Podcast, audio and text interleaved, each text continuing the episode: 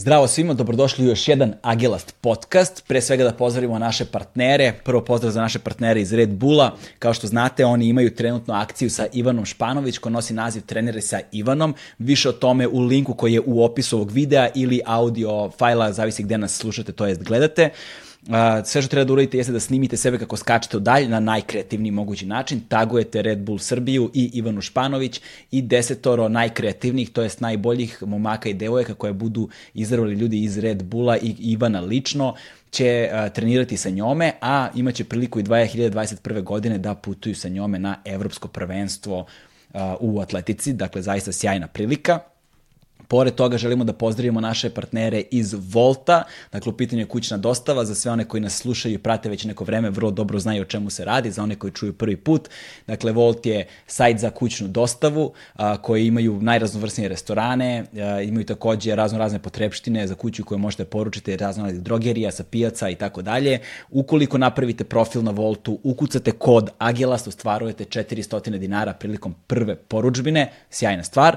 A, pored toga, da podsjetimo još jednom da nas možete da podržite jednokratnim donacijama preko Paypala, link je ispod, i možete da nas a, podržite mesečnim pretplotama na Patreonu, link je takođe ispod. Takođe možete da nas slušate na svim a, audio platformama poput Deezera, Spotify-a, Google podcasta, Apple podcasta, Soundclouda i tako dalje i tako dalje, gde god već da nabavljate svoje podcaste.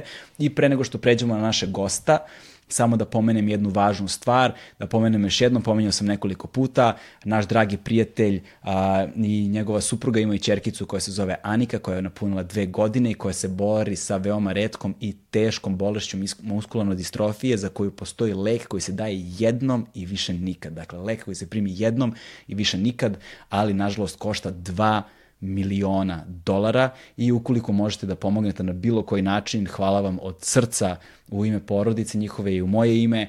Linkovi će prvi koje vidite u opisu videa, to jest audio fajla će biti, prva stvar koju ćete vidjeti ćete biti, će biti to, tako da ukoliko možete da pomognete, hvala vam zaista od srca.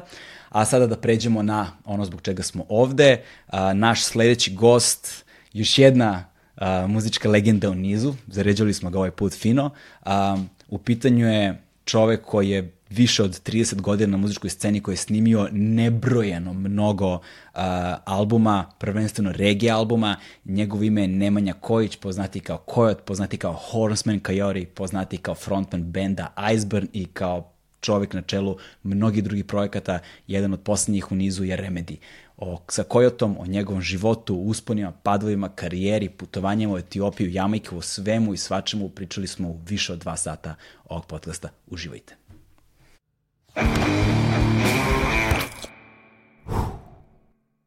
Hmm.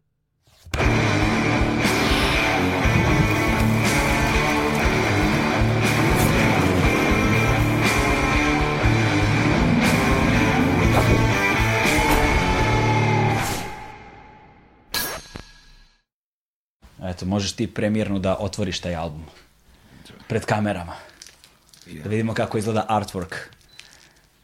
Ima taj šmek ovog, kako se zove, Beatlesa White albuma. Da, ali totalno drugačije izgleda CD artwork, ovo je novo nešto.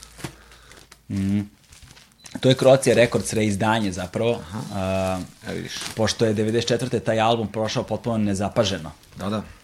Hoćeš da ti vratim ovaj stiker na omot? Uh, može, ajde. Ja Jel to radiš inače, a? Pa, da. Vidi se ko je kolekcionar. Da ti zapravo imaš više diskova nego ploča, ali tako? Ma imam, sad, sad, sad više ne znam gde da držim, brate. Da, a? Sad postaje problem. ali u kući si u Banovcima, gde veše? Imaš pa to je, ovaj, to mi je letnja kuća. Aha, pa možeš u Letnjikovcu održiš, šta? Zato što, e, već radimo, a? Pa da, da, da. već smo on. da, jesmo, jesmo, jesmo. Ovaj, pa, to, naš, nema izolacije još kuću do, dobru. Mm -hmm. Pa A, ovaj, nezgodno je da, ovaj, da se zimi je malo ladnjikavo. Mislim, mnogo bi me grejanje koštalo jer ovaj, treba drvenari izolacije da se reši, ali leti je raj. Da, i zeznuto je onda da držiš ploče zbog vlage, verovatno. Vlage, da, da. Ne same ploče, pločama ništa ne može da bude, nego omoti se podsklobuče od, od, mm. od vlage, od svega. Da, artwork je ipak Znaš, ako si old school, to je veoma važna kategorija albuma. Imaš ti, brate, na Discogsu sve se ceni, da, sleeve. Da. Kaj si ti 90-ih nabavljao originale? E, da, ja sam u stvari kolekcionar od kraja 80-ih. Diskova? Ploča. A ploča? Aha, ne, ja sam mislio disko, ja mislim na diskove, kao. Pošto znam da su, mo- ljudi, mo- po- znam da su se ljudi dovijali da kupuju original, mislim original, da kupuju ploče 90-ih, posebno znam preko ovih ortaka koji se bave elektronskom muzikom.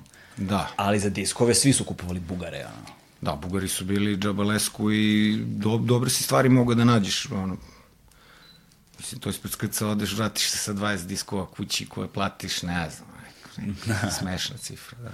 Jeste, ali ka, kako si nabavljao originale u to vreme? Pa, moj čale je radio u Parizu 40 godina. Mm -hmm. On je bio akademski vajar, ali je ovaj, radio i komercijalno slikarstvo na Montmartru. I ovaj, od toga je u stvari i živao. Dobio neke nagrade na internacionalnim bienalima vajarskim, ali je ovaj, inkom je bio komercijalno slikarstvo. I tamo živio 40 godina i ja sam uvek imao prava da naručim ono, od 3 do 5 ploča. Da, da, da. A kasnije sam već krenuo da idem sam. e, Od 90. sam ovaj, na raspust išao kod njega i tad su ovaj, već polako krenuli diskovi, međutim su bili jako skupi diskovi tada. Tako da sam ja negde do 93. četvrte ipak kupovao vinile. Mm -hmm. Sad, mnogo tih vinila u jednom trenutku nestalo kad su ono ortaci dolazili kao, brate, daj mi da presnimim ovo, ono, i to je sve negde, znaš, mnogo ploča mi je. I onda se ja sad trudim da kad naletim tako na nešto što čak ni ne slušam više, znaš, neki Deutsche trash metal ili tako, da, da. hardcore, koji kao cenim, volim, ali sad stvarno ne, ne mogu, mogu bi jednom da preslušam, na primjer, Heresy, Face Up, Tweet ploču, ali sad to kao intenzivno slušam, nema veze, ali to je bitno da stoji taj predmet nekako tu, jer me vraća u to bezbrižno doba, znaš. Da. Kada sam samo razmišljao kako koju ploču da kupim i da budem glavni, znaš, kod Zagreba gde smo se skupljali bivšeg. Ali ja imam ideju, znaš, ja imam negde ono, osjećaj i kao da te ploče nose nekakvu energiju sa sobom. Znaš, da ta muzika, zavisnosti koja je, znaš, da, znaš, da ako je hardcore, ono, neki punk Pa. rock, nešto, da to ima neku svoju energiju, nije ista energija te ploče, ili recimo neke ploče elektronske muzike, ili neke je, reggae pogot- ploče, druge Pogotovo energije. artwork. Pogotovo Da, artwork. E, zato što, sad kad se već pomenuo hardcore, ima taj signifikant, taj crno-beli, anarho, ono, naš fanzin artwork koji ja obožavam. Da. I, ovaj, I kada vidim ploču koja ima taj artwork, ja znam tačno u kojoj se muzici radi. Da, da, da, da, da. Opet regi vinili su jako zanimljivi, pogotovo orig, originalna jamajkanska izdanja. To je, to, je, to, je, to je čudo jedno kako ti vinili zvuče. E, ja sad moram da razočaram ljude koji su sad krenuli da skupljaju ploče. Ovo što se danas štampa, nije to taj miris hartije štampe, nije to, ni, ni, ni ne zvuči te ploče tako kao što su zvučale onda, jer se sa digitalnog prebacuje na analogno, što je mm -hmm. malo onako... A šta je, koja je razlika u tehnologiji proizvodnje? Ja nisam, nisam upućen, ne znam. Pa ranije se sa master traka ili sa datova bacalo na, mm -hmm. Direktno na, na, na vinil, napravi se ta presa, pa onda to ide... Šta znam, sad digitalni zvuk nekako, koliko god da je čistiji, da nema tih šumova i tih smetnji, on je onako malo zgužvan. Mm -hmm. Bez obzira da li je vav ili... Mislim, Ili uzima, ili uzima god. kompjuter svoj danak, znaš. Sve je lakše sa njim, ali kvalitet, znaš, što je veći kvantitet, tako tog štampe, to je... Da, uzima stvar. kao... Evo, ovo ne može da se skine nešto. Ništa onda, brate, daj tu kesu. Znaš šta, možda i sečeš ovo pa da staviš unutra. Jer jednog dana kada, ovaj, ako ova ploča bude ve, vredela, a verujem da hoće, mm. -hmm. kolekcionari traže sve. Da, da. Čekaj da vidimo, Što je originalno izdanje Evo ima. vidimo kakav je artwork. Ok. Ovo, je- ovo je sad do, nova fora sa pločama što dobiješ ovaj promo kod i onda iskoristiš promo kod i downloaduješ... Pa nije baš nova, to pa se novo, već da, radi. kao zrađen. A, evo ih.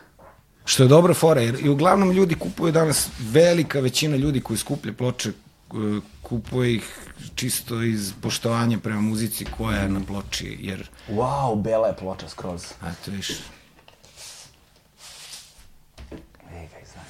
Da, mada ja nemam baš najlepše iskustva s tim obojenim vinilima. Što? Pa ne zvuče dobro.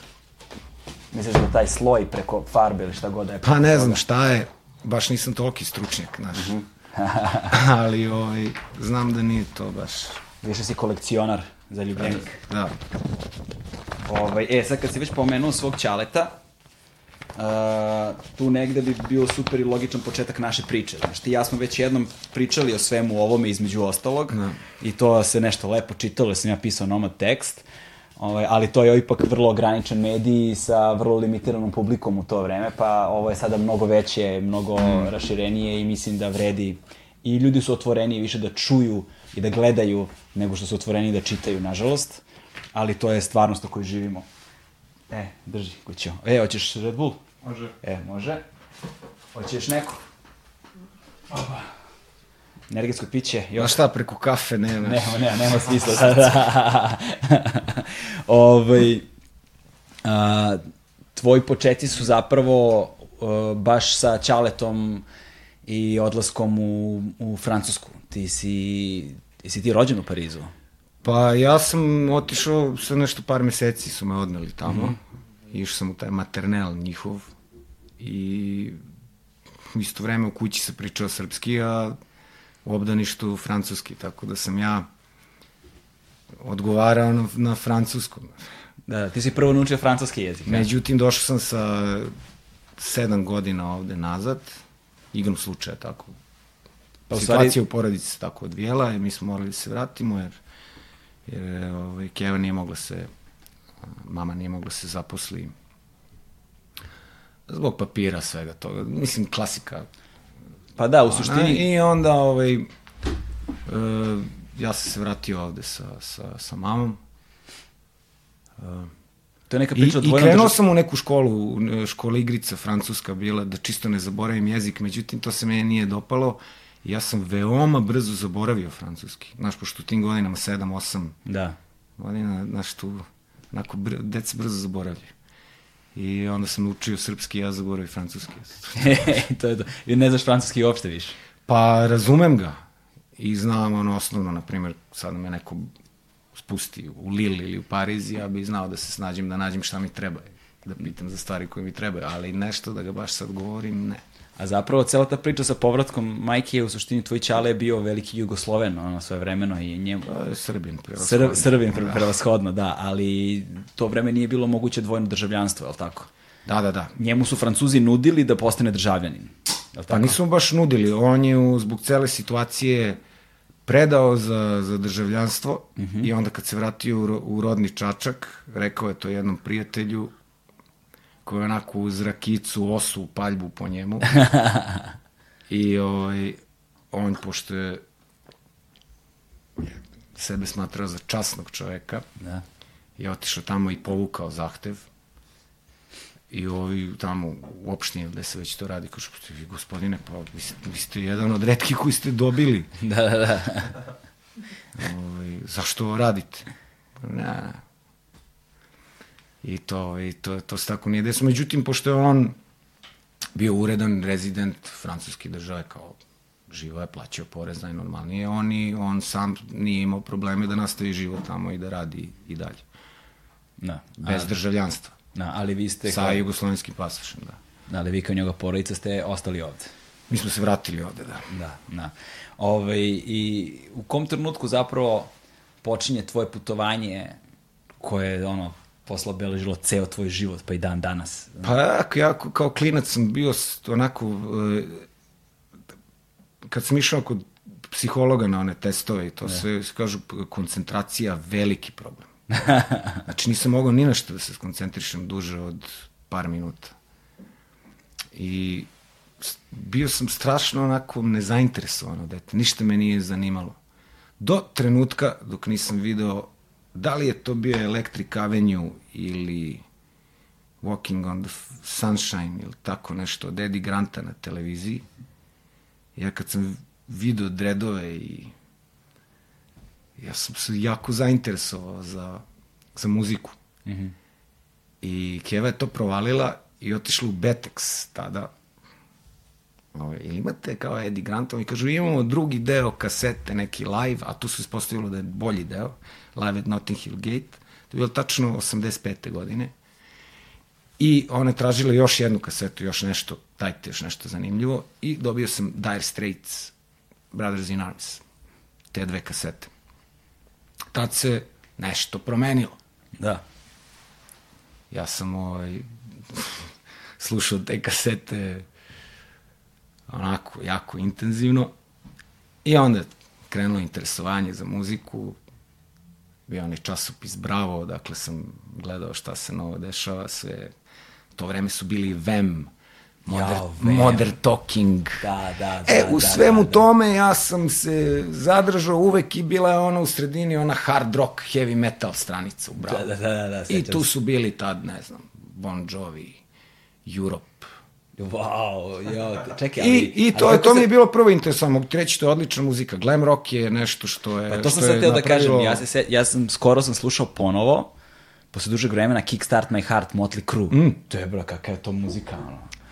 To je Ne, mi muzika. jedino što, kao sad stvarno, mislim, ti vokali, ajde. Da.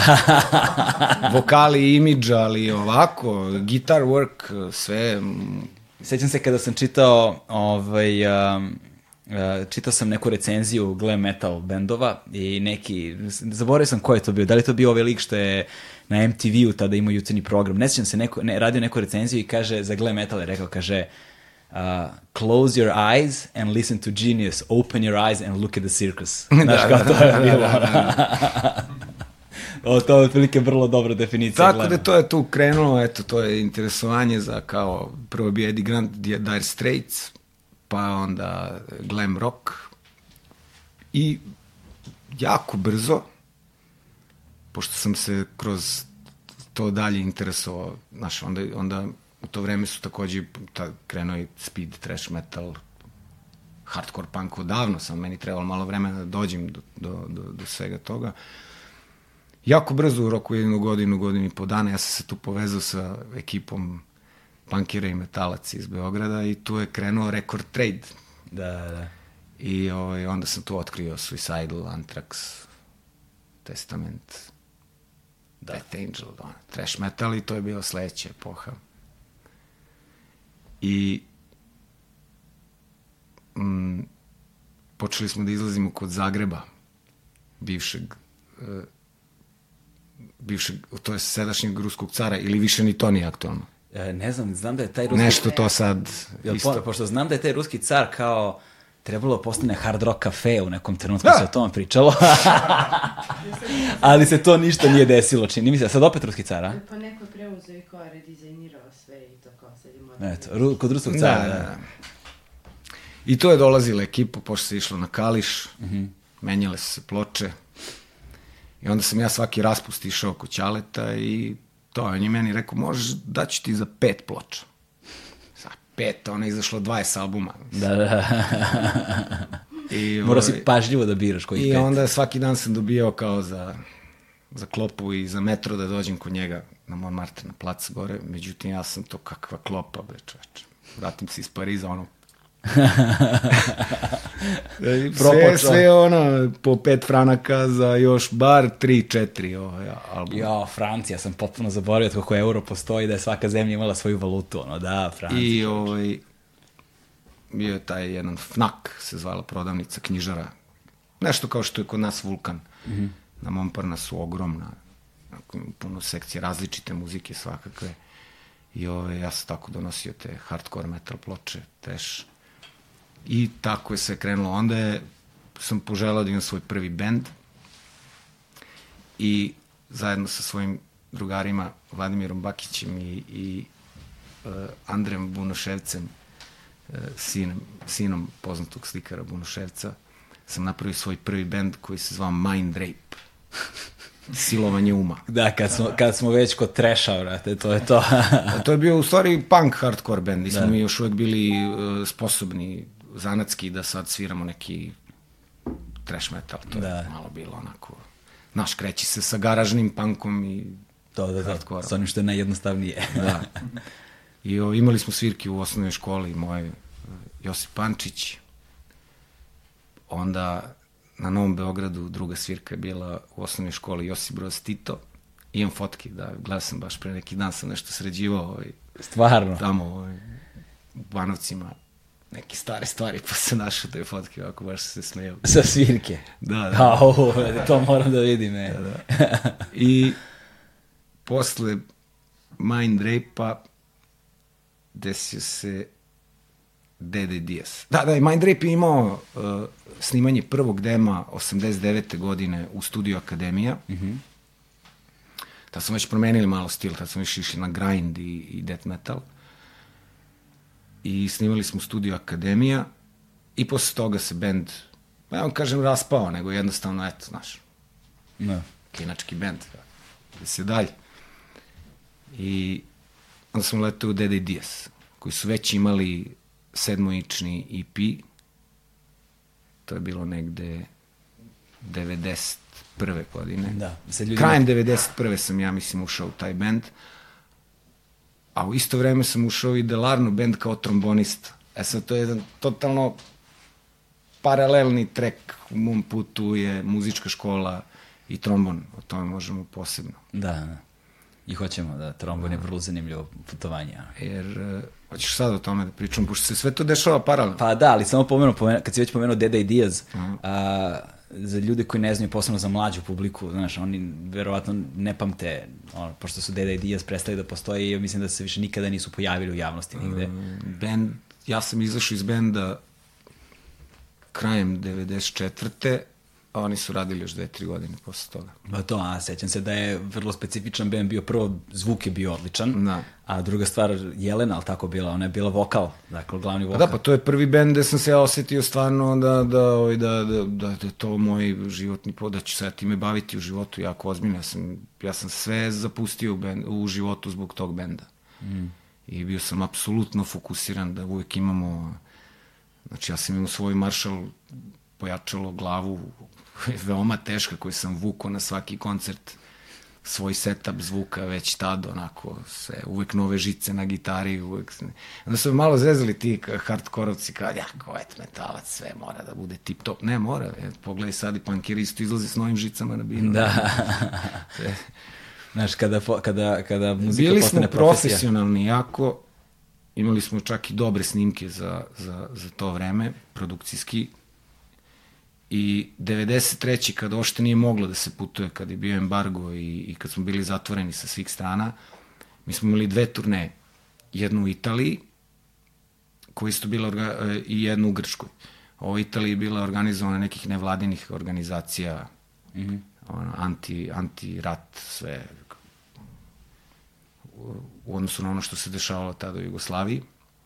A ovo u Grčkoj je bila skvot turneja, tu smo svirali u najvećim skvotovima uh, hardcore punk u, u, u Grčkoj. To onako meni bila malo lepša turneja, to, toga se onako baš lepo sećam. Skvot je ipak. Skvot, ono. skvot, da, da, tad sam prvi put video kako izgleda uh, skvoterski život i i, i to, to je anarcho-punk ekipa koja je jako bila organizovana, oni su imali svoje kuhinje, e, organizovali su narodnu kuhinju, sve onako veoma mm. antisistemski bilo, sve u discharge, Amebix, e, grafitima, imidž tih svih ljudi, tad sam prvi put video dredove na, bel, na belim ljudima, Da, da, da.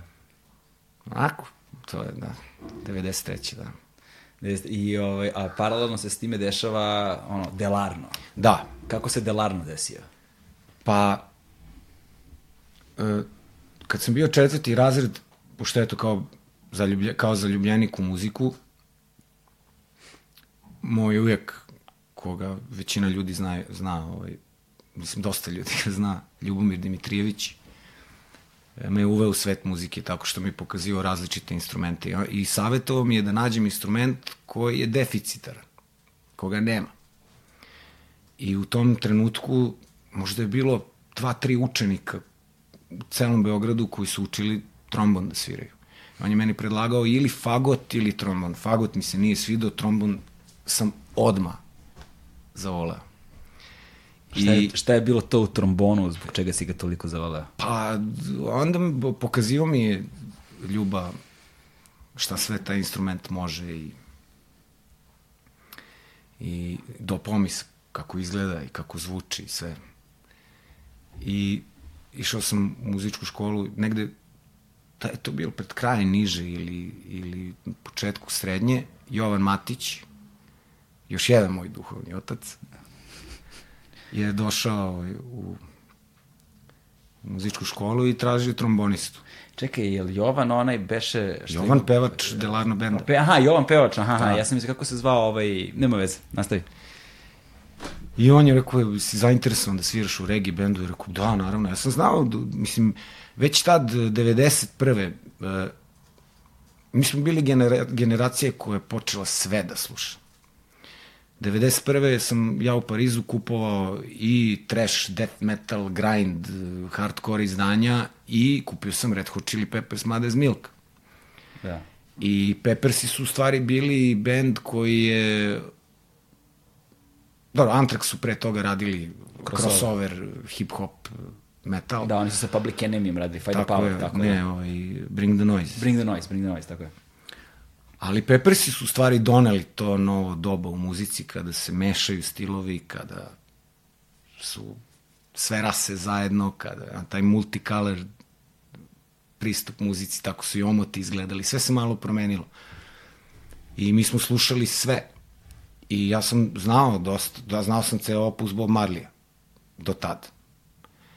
I onda sam ušao u Delarno band, jako mi se svidelo odma i dopale su mi se molske pesme, ove ozbiljnije malo, teže regi pesme.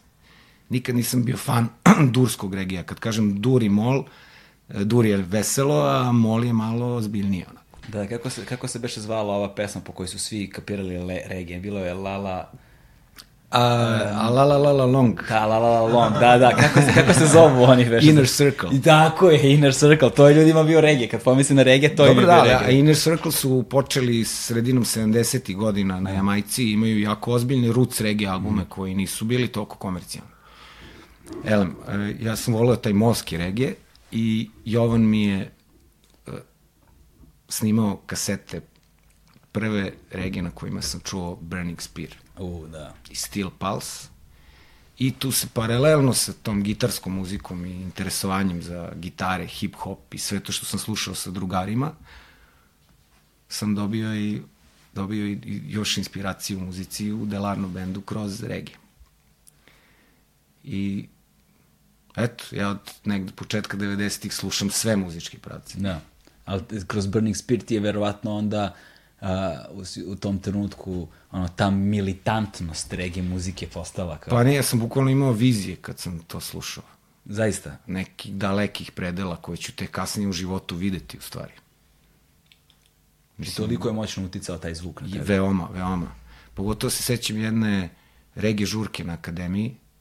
To je prvi put kad sam ja na akademiju uspeo da uđem, pošto sam bio maloletan. Ali uvukli su me kao, pa on je član benda, ajde, kao, a on kao, može, kao, do 12. Kakvi, ostali smo do kraja. Nije.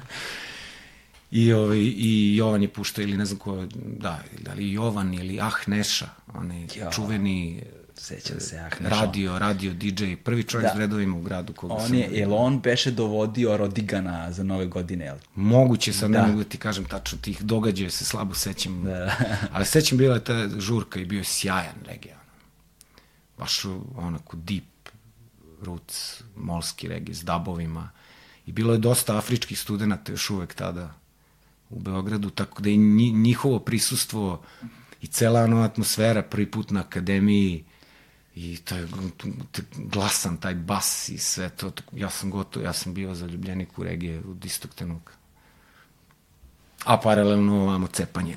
Da. I ovaj, uh, u kom trenutku se zapravo to sve spaja? Znaš, je li to preko staće ili Kako misliš šta se spaja? preko, uh, pa kao taj uh, Regiju. re, svet regija i svet kao uh, tih ono hardcore, trash, punk, metal, čega. Pa mi smo to uvek slušali, samo što ja nisam, meni nije padalo na pamet da ja pravim svoju reggae muziku tada još uvek. Osim što sam svirao u Delarnu kao trombonista. Znači sve što sam ja pisao, sve rifove koje sam pravio, još tad nisam ni pisao tekstove, nisam uopšte imao u planu da se bavim pevanjem. Mm. Početka sam želeo da budem instrumentalista. Pevanje je silom prilika došlo, ali to kad budemo doći to na red. I kasnije je to tek došlo. Ovaj, negde kad je Iceburn krenuo da svira, smo počeli da to eksperimentišemo malo, dub i reggae da ubacujemo. U stvari, prvi put sam shvatio da to mogu da spojim. Naravno, slušao sam Bad Brains i pre toga koji su jako influental band na mene, onako, veoma, veoma, jedan od mojih najmiljenijih bendova svih vremena. E, oni su miksali gitarsku muziku svih žanrova i roots reggae. Uh, ali stvarno se ta, taj, taj, taj crossover kod mene se desio kada smo džemovali Exodus od Bob Marleya pre snimanja prvog albuma, prvog oficijalnog albuma Dog Life Iceburna. Da, ali vi ste zapravo imali snimak jedan pre toga. To je bio neki... To je bio live uh, KST koji, koji je izašao, Freedomized se zvala Tako, kaseta, samo, je, samo je na kaseti izašlo to. Da, ko je, tu, ko je sve svirao tu? E da, e, pa Alek, mm -hmm. Laza, Nenad Živić i ja. Nenad Živić je, dok je bio u bendu, bio tekstopisac i bio je zadužen za artwork, koji je fenomenalan bio i kojem dosta falio kada je on, kada je on otišao iz benda. Međutim, on je u jednom trenutku samo izgubio interesovanje iz nekih svojih privatnih razloga da dolazi na probe, da se nešto angažuje kao što je to bilo na početku, malo je, malo je vatra se ugasila. Aha. I onda sam ja dve nedelje pred eh, snimanje albuma došao u situaciju da ja moram da otpevam ceo album. I ja sad kad slušam prvi, prvi Iceburn, Dog Life, na kome ja pevam, ja, ja, ja to ne mogu da slušam. Stvarno. Pa ne, i full control teško slušam, evo sad stigao je test press vinila, muzika sve super, ali vokal mi je, ne znam, nisam nikad želeo da budem pevač. Niti da, dobro, ovo je sad lepa prilika, stvarno sedimo, ono, opuštena, super je priča, ali niti da radim ovako nešto što sad radim. Stvarno mi to nije bila ambicija. Da. Da. Samo sam hteo da sviram i da putujem. To je nekako bila moja želja. Odrastao si sa time, da, da. Sa, Da. sa tom vizijom. Da. Ovaj, ali, znaš, taj tvoj vokal na, baš na full kontrolu i na dog, na dog life-u je, ovaj, znaš, ostao to je, to je ono što je Pa kamen dobro, ja to, temeljac. ja to razumem, ja to razumem, naravno, e, slušajući sa strane, slušajući neke druge bendove, naravno da ostajem, naravno da su mi prvi albumi omiljenih bendova najomiljeniji. Da, da, da, da. Sam Panterin prvi album. A pa dobro, oni imaju nekoliko tih, ono, sweet metal. Da, svi poduhvata. gleme, da šta.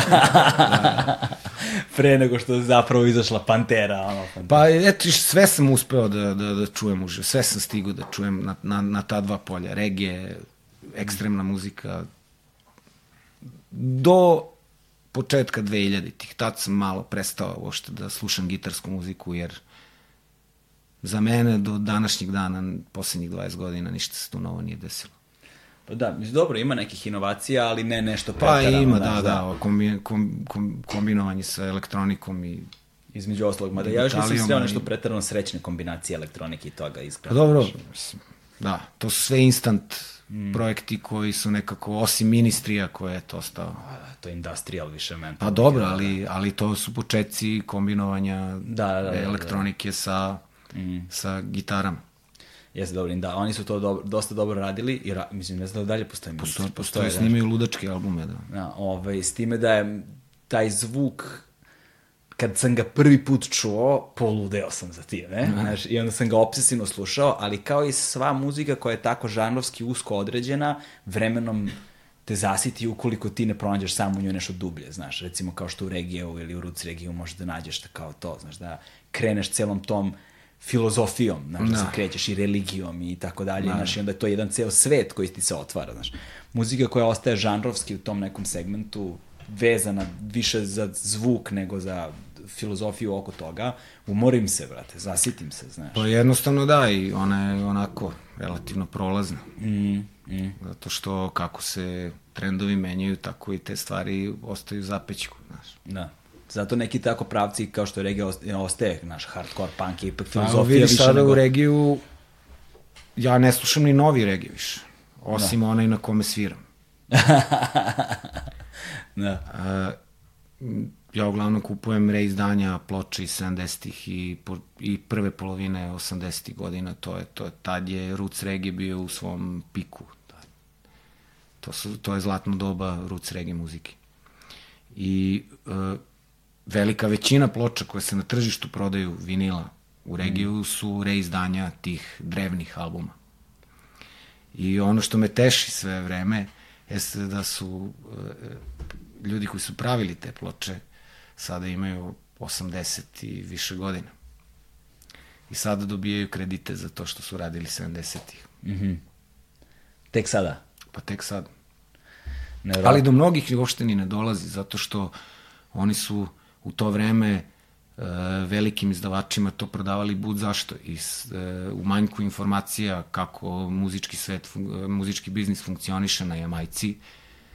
Imaš ljude kao što je Tapa Zuki, koga sam koga viđem kad odlazim u Kingston i kome sam svirao na, na najnovijoj pesmi, njegovi box setovi izlaze po Evropi u luksuznim luksuzno opremljeni koštaju po 35-40 eura a on čovek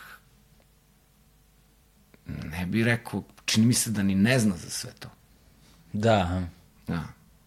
Mislim, tako da treba biti jako oprezan sa potpisivanjem tih ugovora. Mislim, evo sad se to i ovde dešava, mislim, vidimo sve ovo. da, da. Tako stvari funkcioniše. Ne bi da uzimam te ljude u... Da, da, jasno, jasno. jasno. Pominjem uopšte, ali sve, svi sve znaju. Bad Copy su još na svom prvom albumu imali onu pesmu Uno, dvoje, tre, pa re- u refrenu kažu ne potpisujemo više ugovore, Ne, ma, da. uzmemo keš i vidimo se Da, da, posle. to. pa to je to, znaš šta, mislim, ako praviš muziku koja koja ti je tek tako izašla, ono, mm. sad, može da se zeznaš da daš to bud zašto i onda da to više ne bude tvoja, da pravi ogroman novac. A, posle to industrija rabi, brate. A da Jašu niko, konj a da niko nema milosti da ti možda izađe u susret i da pita kako je taj čovjek koji je napravio ovu muziku. Mm. Znaš što je upravo sa ovim Jamajkancima koje, eto, Junior Biles je jedan od legendi uh, roots reggae muzike, on je, on je čovek uh, završio na, na, na ulici uh, proseći. A isto tako se box setovi njegove produkcije 70-ih prodaju u najskupljim radnjama ono, I u, na, i u najluksuznim izdanjima. Da, najluksuzni, da. Strašno žoveče.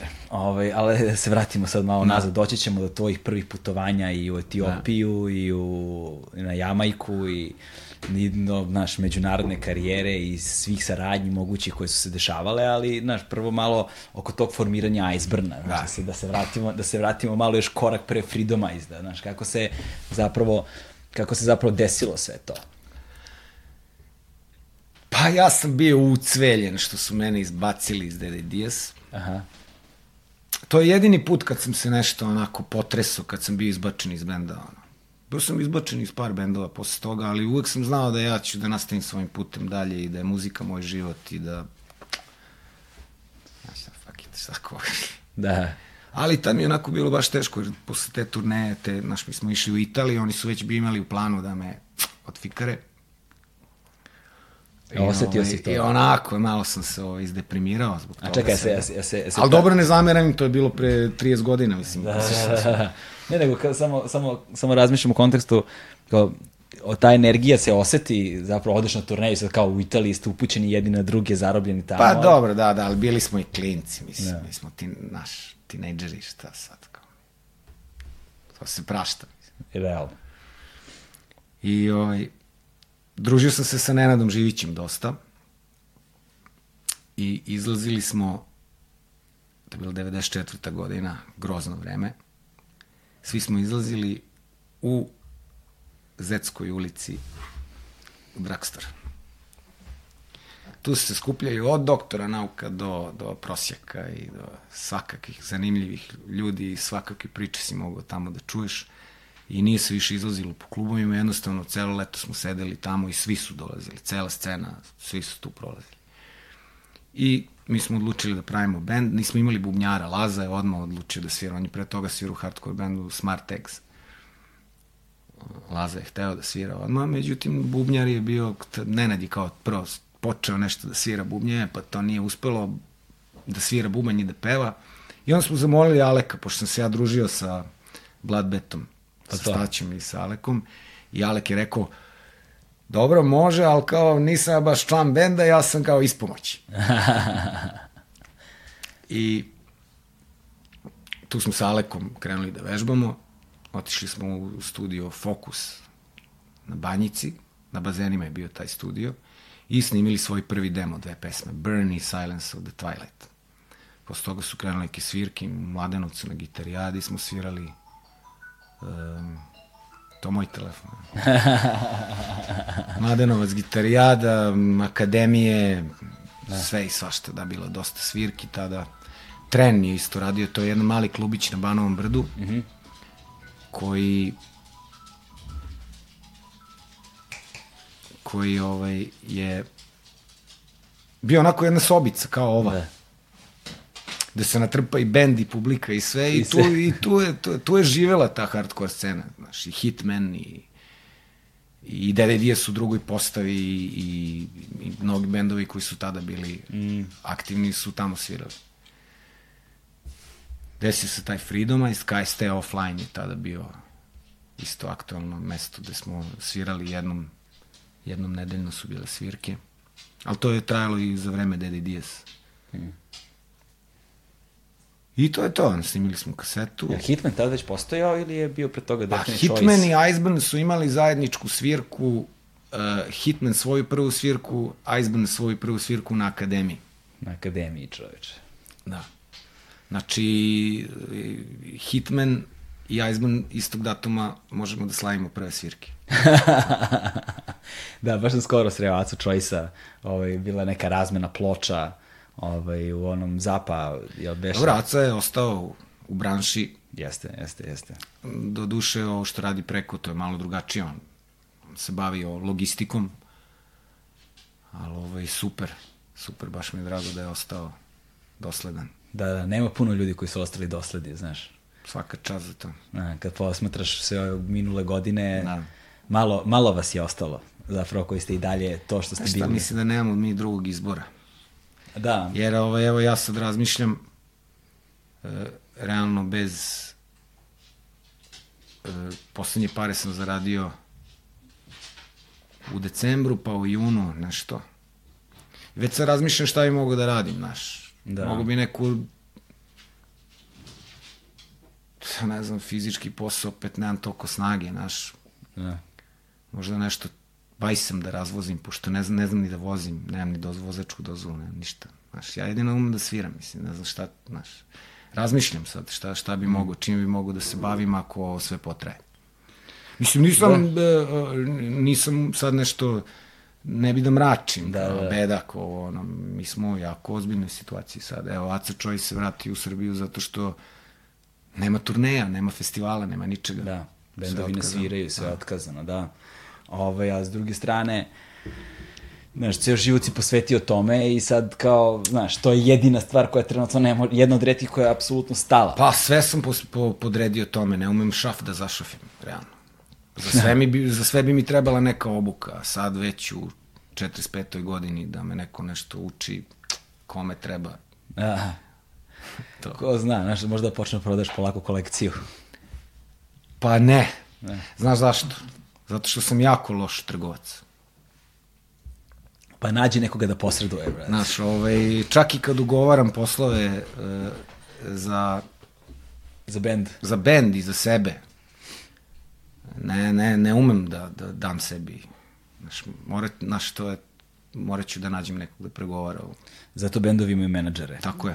Za, između ostalog, to je ono što ja svaki put kad razgovaram sa bendovima, posebno sa nekim mlađim bendovima koji su te krenuli, koji, za koje se vidi da imaju neki talenat, znaš i da posjeduju neki potencijal, uvijek sam fazonu, ljudi, treba vam menadžer i da vam menadžer bude kao kao se četvoro peti član benda, ono. Znaš, i Treba i menadžer koga će oni da postave da je moje mesto. Tako je, znaš. Nama su uvek dolazili neki ortaci koji su sve završili u životu pre nego što je, ajde kao vama da pomognem. Vi možete napraviti dobar posao, ja ću da vam pomognem. Da, da, da, da. Pritom svi su učili na nama. Jer dok smo imali menadžere, dok smo bili e, zanimljivi za tržište, govorim mm. konkretno o Icebernu, mi smo imali menadžere. Što sad nemamo menadžera. Da. Dobro, sad zbog ove konkretne situacije nije, Pa ne nije zbog, moguće sve, da... ne zbog ali- situacije. Ni prošle godine nismo imali ono ekskluzivnog menadžera. Da, da, da. Radili smo sa od- odličnim hrčkom, drugarski. Oni su nam bukirali prošle godine datume koji smo imali, ali ovaj, kao sad imamo petog člana koji vodi računa o papirologiji svih vrsta, mm. o merchandise-u, o, o, o svemu. Da. To je, ka- kažem, znači, ako imaš dobar band koji je, ono, grupa kreativnih ljudi koji ima ogroman potencijal, njih treba da ostaviš da stvaraju i da sviraju i to je to. Da, Znači, to, je, to bi trebalo da je, ne, na što... ceo život oko toga treba da postoji neko ko će da im organizuje. Ne mogu oni da idu da razmišljaju o računima, o knjigovođama. Tako je, zato što onda kreacija pati. Tako je, da odgovaraju na mailove, da se javljaju Da. na telefone, da ugovaraju štampanje majica, marže, Eventualno slanje. mogu da odgovaraju na mailove fanovima. Tako je. To je zanimljivo i to je lepo i to... Da. to Sve što doprinosi kreativnom procesu, da. Ali sve kad što ti treba oduzima- da pregovaraš sa nekim kome, To tek. kome su samo cifre u glavi, Ne, ne, ne. Prvo, prvo je problem što, što ne možeš da go, ne, nije, znaš, ni- nije isto kad pregovaraš u svoje ime i kad pregovaraš u ime nekog drugog. Znaš, meni je isto uvek lakše da zastupam nekog drugog. Kad treba u nečije ime nešto da tražim. U nečije ime nešto da zahtevam. U nečije ime da kažem ne. Lakše mi je. Ali kad treba za sebe to da uradim, neprijatno je. Ovdje imaš osjećanje neke... s- Tako je, pogotovo što svi ti ljudi koji su jednom s tobom popili piće negde daju sebi za pravo da se ponašaju prema tebi kao da te znaju ceo život, zato što se verovatno tvoj lik njima Da, javlja. ne, javlja im se na, na, med, na medijim, na, uh, ranije je bilo u televiziji i to je, sad im se, ja- znaš, razumeš, i oni podsvesno tebe, viđajući tvoju njušku svaki dan, da, da. se ponašaju prema tebi kao da ste Ortaci. ortaci ceo život. Da, da. Tako I onda ti takvom čovjeku koji te tako mm. obrlaćuje i kao, e, brate, se sećaš kad ti sad ti njemu treba da lupiš cifru koja je stvarna, koja je realna. Posebno ovde. Posebno ovde. Posebno ovde, malo tržište, siromašno tržište. Da, da. Znaš, i onda to sve nekako ne ide. Zato je uvek važno da postoji ta buffer zona. Moraš da imaš menadžera između tebe i spolješnjeg je, sveta. tako je. Sad, eto, ja, ja bih savjetovao bendovima koji kreću sada mm. da, da nađu nekog iz svog okruženja, nekog svog drugara, Da. koga će da plaćaju isto koliko i sebe same i da neko ih zastupa. Neko da se bavi time što nije muzika. Da. Ovaj, e sada, a, formira se prvi Iceburn. Kako je Iceburn dobija ime, za početak? Nenad Živić je sve osmislio. On je realno pokrenuo bend, ja sam samo napravio rifove. Mm -hmm. On je sve u, ostalo oko benda je bilo delo njegovih ruku na prva dva albuma. Mm -hmm. Pričam, Freedom is the i Dog Life. I imali smo dve teorije. Jedna je od previše dima Aha. Oči se oči crvene. koje se crvene. Onda on ima jednu teoriju, pa smo to šaltali, naš, kako nam više odgovara. on je imao teoriju o, o, o egipatskom božanstvu Hor, mm -hmm. koji kao svojim okom mogu da sve da spali. Iceburn. Da, Iceburn. A treće je bilo kako je kao spaljenik smo očiju od užasa koje smo stvarno svaki dan gledali u medijima tada. Jer tad je bio rat. Da. Zanimljivo je, e, kad sam razgovarao sa tobom prošli put na tu temu i sa Alekom sam posle mm. toga pričao, ovaj, obojice ste rekli jednu vrlo zanimljivu stvar koja je negde postala specifičnost vašeg zvuka, odnosno vaše muzike, ne zvuka konkretno toliko koliko ovaj, teksta. Um, ni ti ni Alek niste odrastali, verovatno ni veći deo vaše ekipe niste odrastali slušajući domaću muziku. Znaš, ono kao slušala se uglavnom Da. muzika na engleskom jeziku. Tako Da. ste počeli da pišete tekstove. Naš, naša generacija pogotovo. Da. Evo, ja sam ti ispričao koji su bili ključni albumi mog života. Ja sam kasnije tek počeo ne da slušam, ali da se upoznajem sa domaćim rock'n'rollom kada sam počeo da nastupam sa tim ljudima svim. I da ih srećem. Da. I ovaj, o- tako sam počeo da, da, da, da, da slušam i Breakers i Disciplinu i gledajući ih uživo i prisustujući njihovim koncertima. Pa sam te posle albume slušao. Jer kao uvek je postojala ovaj, tendencija pojedinih bendova da stvaraju muziku na engleskom I jeziku. bio nam je cilj da putujemo. Da. Bio nam je cilj da putujemo. Znači to ste i- imali kao u, u, to je, u to je, startu. to je bio, to je, to je bio gol, to je bio cilj. Ne da se zaboravi odakle smo.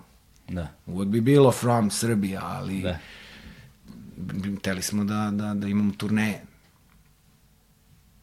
Što nam se u nekoj meri, meri obistinilo, ali nije zaživelo. Da. Zaživalo nije opstalo. Ali to posle ćemo. o Da, tome. posle ćemo o tom. E, i, i, I mnogi bendovi su u to vreme imali tu tendenciju da pevaju na engleskom. Ne mnogi, ali su sve vreme spavljali bendovi koji su imali tendenciju da pevaju na engleskom. Dešavalo se to. Neki su imali su tu i tamo neki hit koji je bio veliki. Imali su Kelti, imali su ovi Love Hunters i ne znam iz Novog Sada su imali neki da, jedan hit, da, tako ovo. Ono. Ali vi ste zapravo bili...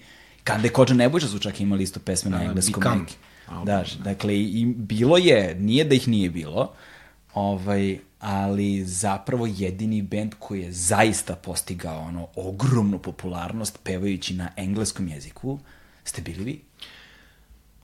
Pa zato što verujem da ljudi koji su slušali koji su slušali Iceburn su verovatno bili ubeđeni da smo mi spremni za svet.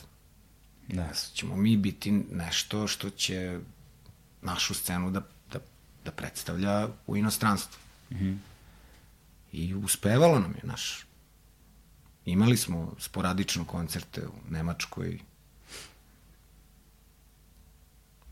U Sloveniji smo bili jaki, mislim. Slovenija već tad tamo nisi mogu baš tako, ali nis- nisu teli na srpskom da pričaju. Jeste, to je bilo vrlo ovaj, specifično vreme. A? da. Ovaj, e sad, kako je došlo zapravo do snimanja tog prvog uh, Dog Life-a? Elem, uh, Izvinjavam se, sve vreme mi je na vrhu jezika Dog House, Dog House, stalno ono... Dobri su ne- Dog House. Da, odlični, kako ne, nego, nego, se uvek zaustavim pre što izgovorim Dog Life, zato što hoću ono da izgovorim Dog House i moram sam to da izbacim iz sebe. Evo još jednom, Dog House. Ajmo sad. Pa, e, prvu kasetu izdao Silver Cross Records, Jo, da, Silver Cross. koji je oko sebe okupio celu tu hardcore, metal, punk scenu. Dobro, više manje punk, nije toliko bilo punk bendova u to vreme. Mislim da tad ni MBG nisu radili, bio je krvavi protokol koji je bio još, ne mogu da se setim, aktivan u to vreme. Dobro, direktori, da, naravno. E, Diše ja obožavam. U poslednje vreme e, sam, obožavam da slušam direktora. To je bend koji onako... Street punk, ozbiljan, ono. Pa ne, sve je na mestu što oni rade. Elem, što je, da, da, Dog Life. Uh, Silver Cross nam je platio snimanje u istom studiju gde smo snimili prve dve pesme. I onda smo čekali da taj album izađe, čekali, čekali, čekali. Mislim da je prošlo jedno dve godine od kad smo ga snimili do trenutka kada ga je izdao Metropolis Records. A to se poklopilo sa našim nastupom ispred uh, Sunshine-a u hali sportova. Prvi veliki koncert Sunshine-a, legendarni. Uh, Sia i Iceburn su bile predgrupe. I u isto vreme izlazi Dog Life za Metropolis. I sad Metropolis koja je bila tad, to je bio Zenit izdavaštva njihovog, oni su imali tad Gobline, Blockout, Sunshine, Iceburn, sve to bio jedan paket bendova koji je koji je vladao domaćom scenom u tom trenutku. Da, oni su bili jači od 92-ke. Pa 92 je više bila onako alternative rock, Da, Britpop, da, da, da. E, Čak su i Darkwood i ono naj, najtvrđi band koji su, sem Iceburn, Full Control i Da. da. Solid, koji su oni ikad objavili. I ništa, Metropolis je to izdao i onda dobijamo jednog od tih gradskih menadžera uh, da ne bi produbljivao neprijateljstva, neću, ne bi mu pomenjao ime. I onda su krenule svirke. I lagano smo nekako ušli u taj jet set domaće rock scene. mnogi ljudi sa hardcore punk scene su, su nam e, zamerali zbog toga kao ja već prodali se i to. Da, i izašli iz undergrounda. Da, da, da. E, to je tako krenulo, da. Ovaj, a, vrlo specifičan period za vas je bio, dakle, taj dog life se desio, ovaj, ja se sećam, ja sam tada prvi put video, e, prva stvar koju sam sa tog albuma čuo, ja mislim da je Stark Blind, je tako? Bio je spot za tu pesmu. Da, da, to je bio prvi spot, da. Tako, to je bio, to je bio prvi Sniman ovde u Botaničkoj bašti. Jel da? ovaj, E, da, ja sam živao ovde jako blizu ili Garašin. I ovaj a, i sećam se da sam a, da sam video spot za tu pesmu i da sam video tipa na studiju B sam jer video. Tako negde sam negde sam video. Ja sam odlepio, nisam mogao da verujem da tako nešto može da se čuje. I to je mislim bio trenutak kad ste vi zapravo dobili mnogo širu publiku od onoga što su bila ta uska neka gradska hardcore punk šta god i da je to bila neka znaš, da je vaš, jezik vaše muzike komunicirao sa ljudima koji nemaju nikakve veze sa tom vrstom muzike. Dobro, znaš šta i postojali su mediji, te top liste domaćih bendova su se gledale, postojalo je interesovanje za, za rock muziku veliko u tom trenutku. I jeste, to je, to je bila prekretnica. Negde sa Stark Blind, pa onda sa Exodus obradom, tu je tek sve se otvorilo, taj koncert sa Sunshineom, Ej, ali, ali, ali, evo, to je sad dobar moment da pomenemo. Mada mi smo i tada bili veoma, naš, to, to, i, i to je bio underground. Znaš, to, to su bile svirke na karte, to je bilo sve na mala vrata, drž da nabijem nekako sve, na, Ne. probijanje. To, više ljudi na spisku nego proleti karata. To u Beogradu uvek, da. S tim smo imali problem do negde do... To se završilo otprilike kada su originalni članovi benda part ways. Kad smo ostali samo Alek i ja, to je, do tad smo imali taj. Znači, to je negde do How Much for Freedom smo mi imali problem sa spiskom, to je bio, be, svaki beogradski koncert, to je takav stres bio.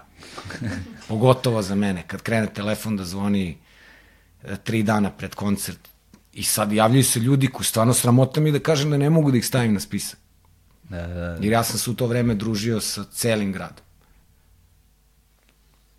Zajebano, brate. I svirao u tri benda. Znači bio je Delarno, Sunshine Da. i Iceman. Jao, da, ti si u Sunshine. Pa samo u Delarno je bilo još 12 drugih članova u bendu. Da, da, da, da.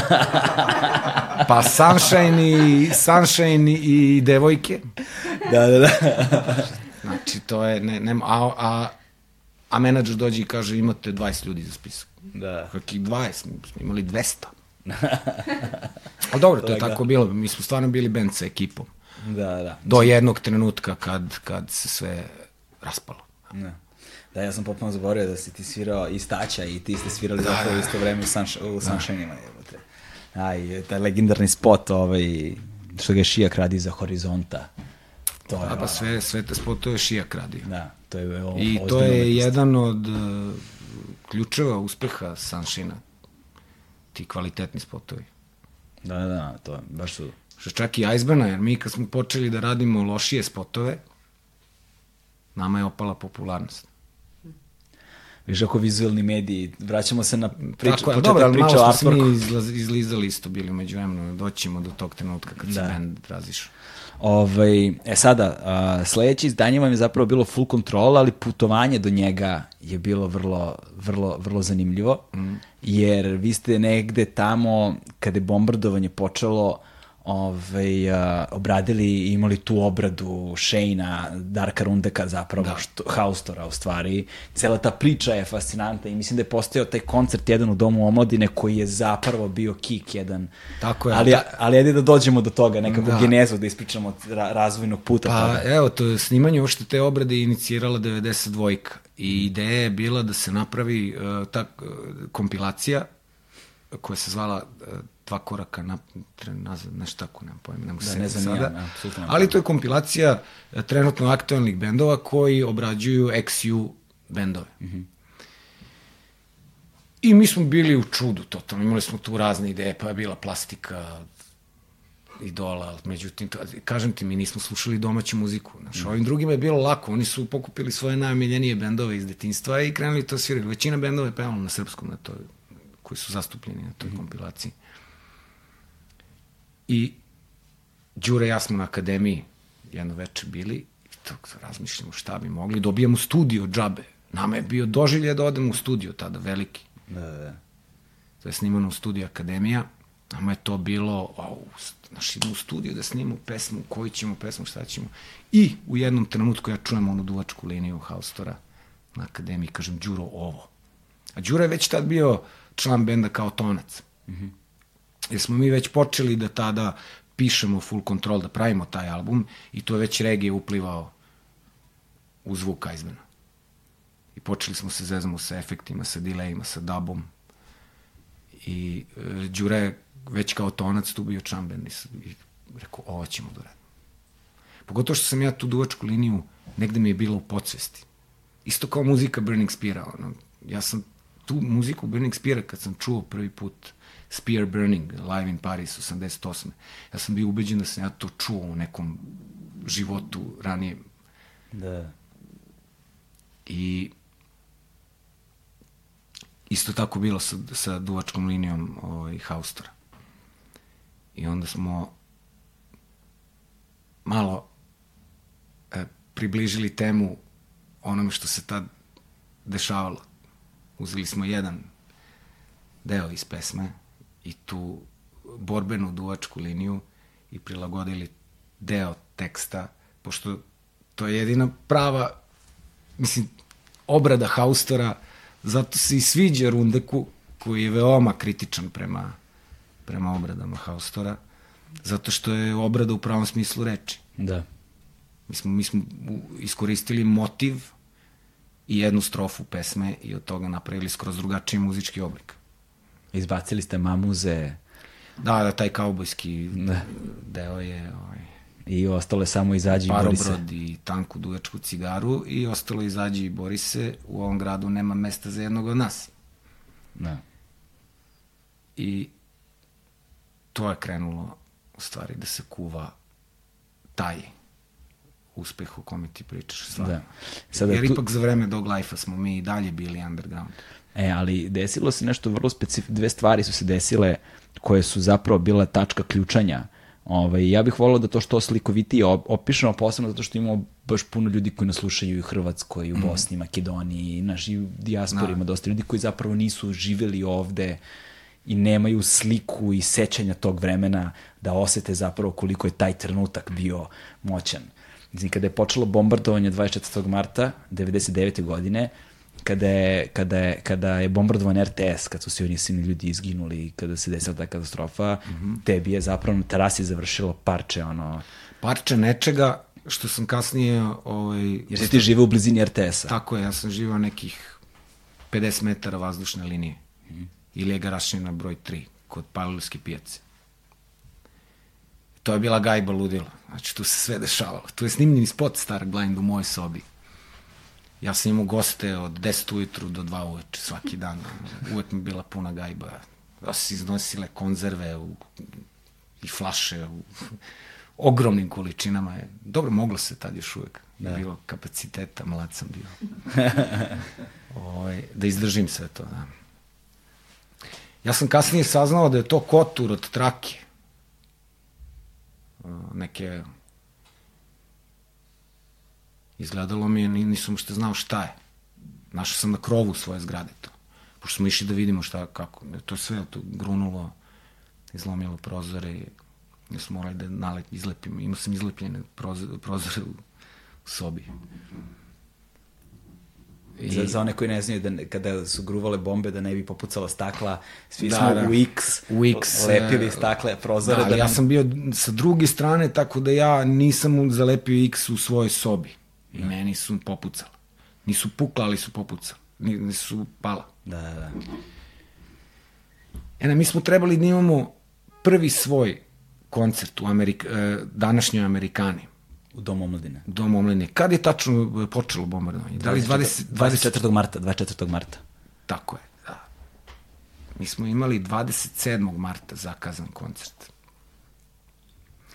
I par dana, pošto je bilo očigledno da će se sve to dešavati, uh, par dana, mislim, nedlju dana pred koncert, deset dana koliko je bilo, nema koncerta, ratno stanje. Da bi se taj koncert desio u sred bombardovanja, na naš, na tačno, valjda, to je bilo tačno uh, pet godina Iceburna. Uh, seća se da moja mama donela tortu, Happy Birthday Iceburn, da. Koncert se desio u Amerikani uz pomoć našeg drugara um, Dode, Tode ili, ne, Dode, da, Dode, koji je snimao taj spot Star Blind i finansirao štampanje plakata i koncert se desio, poče, počeo u 3 sata, po 3 sata popodne i završio se u 5. Jer je u 8 krenu, kretala uzbuna. I e, kadrovi... Je policijski čas u 8. Tako je. da. I kadrovi za Izađi i Boris su snimljeni na tom koncertu. Da. Jer ono što ljudi ne znaju, onda je, i onda je tad je bio taj delirium totalni, zato što vi ste, jeste tad prvi put izvodili uživo pesmu. Tako je, da. Tako je. I onda imaš celu tu scenu i to tvoje iskustvo bombardovanja RTS-a, početak bombardovanja uopšte, a, sećam se ja to vreme, tog stanja duha, tog ludila koje je bilo, ono, znaš, mraka koji je bio svuda. Tako je, pa Akademija je radila od 12 do, do 6. Pa da, Preko industrija dana, radi. smo, preko dana smo išli u... Da, Industrija Bilo je isto preko ludo dana. vreme, znaš, vidiš, za razliku od ovog sad, sterilno ludačkog vremena, e, čak i u takvim uslovima se sviralo. Da. I muzika je bila deo, soundtrack tog vremena. Sada ubijaju muziku, mislim, to je naš jako... Ove, I tada na tom koncertu Doma omladine zapravo bio vrlo specifičan trenutak. Skupila, skupila se ta ono, gomila mladih ono, koji žive u tom jednom svetu, ono, Srbija je izolovana od Evropske unije, mladi u Srbiji izolovani od Srbije, u totalno bezizlaznoj situaciji, vazdušna opasnost, ono, bombardovanje i vi na, na, koncert, na petom rođendanu Iceburna vi svirate ono prve taktove prvi put ono Shane-a, odnosno Da, da, da, izađi i bori se. To je, to je bio sve ljude danas koje pitaš koji su ono d- nešto u, u svetu muzike, to je jedan od ključnih trenutaka koji je bio na tom koncertu koje pamti dan danas. Da. Taj koncert je održan, dobro, do, dobro, je, dobro, je, dobro je prošao. Da. I ovaj, krče mi creva. ne čuje se. Ali. Samo sam voće ovaj. Da. si dalje vegan? Pa, znaš šta, od kad sad živim malo u, u van grada, e, jedem mladi sir Aha, znači, i jedem neke domaće mlečne proizvode. Zato što sam provalio malo zubi, ono. Mm -hmm. Treba kalcijuma za kosti i za zube. Ostalo je okej sve. ne. znači sad si Sve vegetarijanac. da, pa da. Da. O, koliko dugo si zapravo ti vegetarijanac? Pa, to je sve krenulo negde pred full control. Mhm. Znači, da vam Znači, 99. sada nekih 21 godinu. Jedan od rećih koji je tako toliko dugo ovaj, dosledan. Pa, znaš šta, ja nikad nisam nešto ni voleo meso, jeo sam ga silom prilika. Mm. Nisam nešto bio neki sad lud za, za meso. Mislim, pošto je moja mama imala neke e, zdravstvene probleme, u mojoj kući je jako brzo ušla, jako rano je ušla ta makrobiotika i, mm. i, i zamenjena je soja sa, sa, sa mesom i i jeli smo i sočivo i neke stvari koje ni, niko tada nije, šta, šta ti ovo, super je, kao šta je ovo. Tako da ovaj, ja sam naviknut i pre, i pre nego što sam prestao da jedem meso, sam naviknut na, na takvu vrstu ishrane. Tako da mi nije bilo nešto teško, a i samim saznanjem šta jedem, to me odbijalo. A isto imao sam ja nekih zdravstvenih problema koji su nestale kad sam izbacio životinsku masnoću iz ishrane. Kao na primjer? Pa imao sam proširene vene uvek. Jako mm -hmm. mlad sam imao proširene vene, a to kod muškaraca je jako nezgodno, pogotovo na onom mestu, znaš. Da. I onda nisam mogao da stojim, zamarao sam se dosta, kako sam izbacio kako sam izbacio jaja i, i meso, to se za par meseci povuklo i to je to. Eto vidiš, nisi imao pojma da, kao, ne znam, Jedini mesa može da utiče na Pa jeste, znaš šta, mislim, može taj holesterol povećan, koji to je genetski sve, to je, Mm. znaš, meni je ovo pomoglo. Da. I isto vreme i Rastafari i regije i sve što sam upijao kroz muziku i to malo knjiga što sam čitao u životu. Ja, ja nemam koncentraciju, znaš. I dalje imaš problem sa time, a? Pa, uglavnom pročitam trećinu knjige.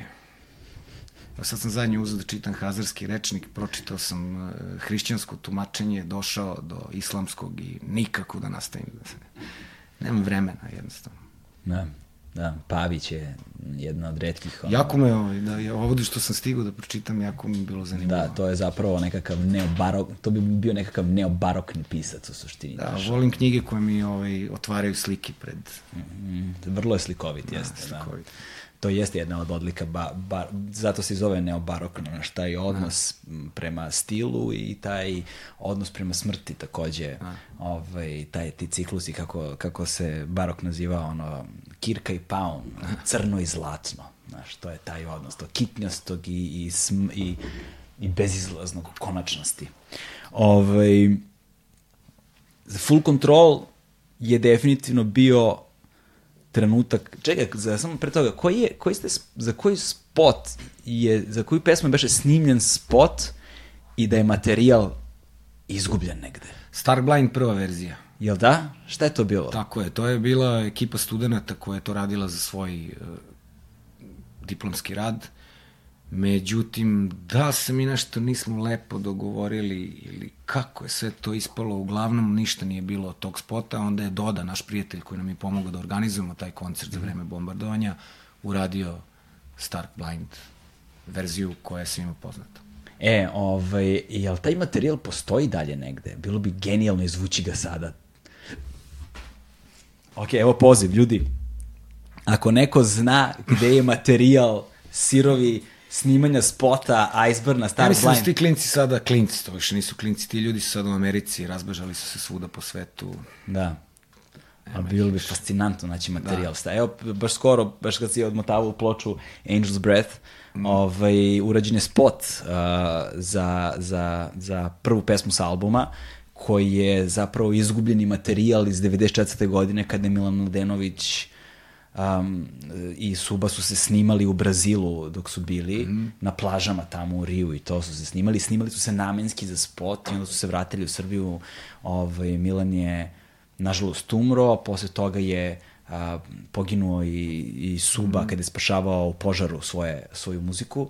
Ugušio se u dima nekoliko dana kasnije u bolnici i zapravo taj mrak smrti jednog pa potom i smrti drugog i nekako je album stavilo u zapećak, a taj materijal nikad nije iskorišćen. Mm. I ostao na nekim trakama, nekim Ja se high sećam osmicama. tog CD-a.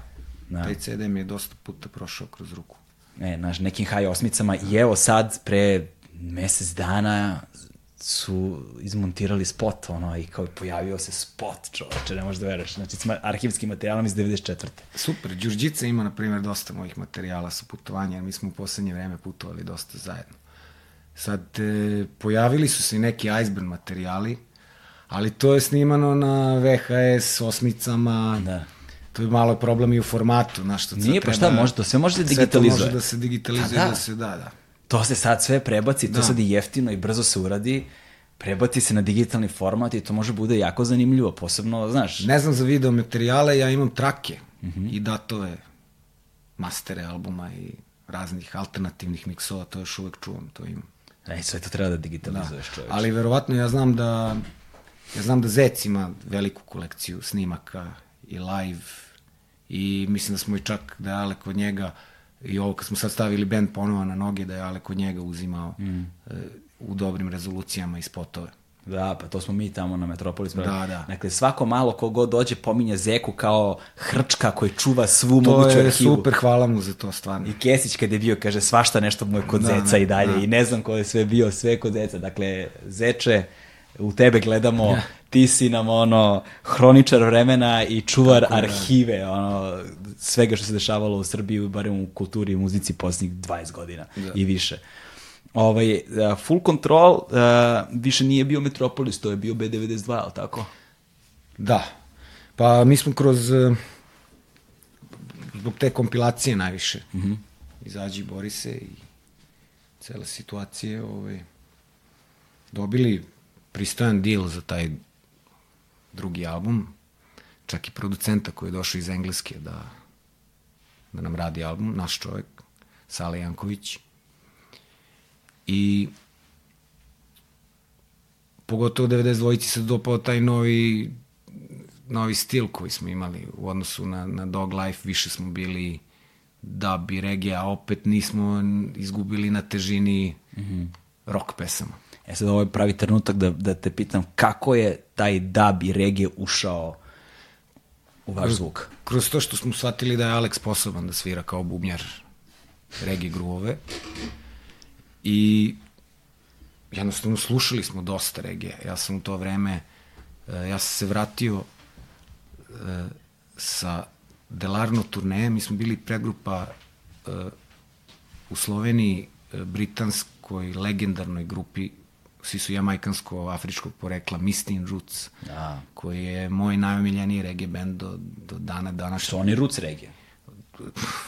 Oni su heavy, heavy, heavy Roots reggae. Da. Jako ozbiljan, jako angažovan eh, band po, po, po svim pitanjima kroz celu karijeru i to su prvi rastamani koje sam ja video, prvi rasta ljudi koje sam ja video uživo.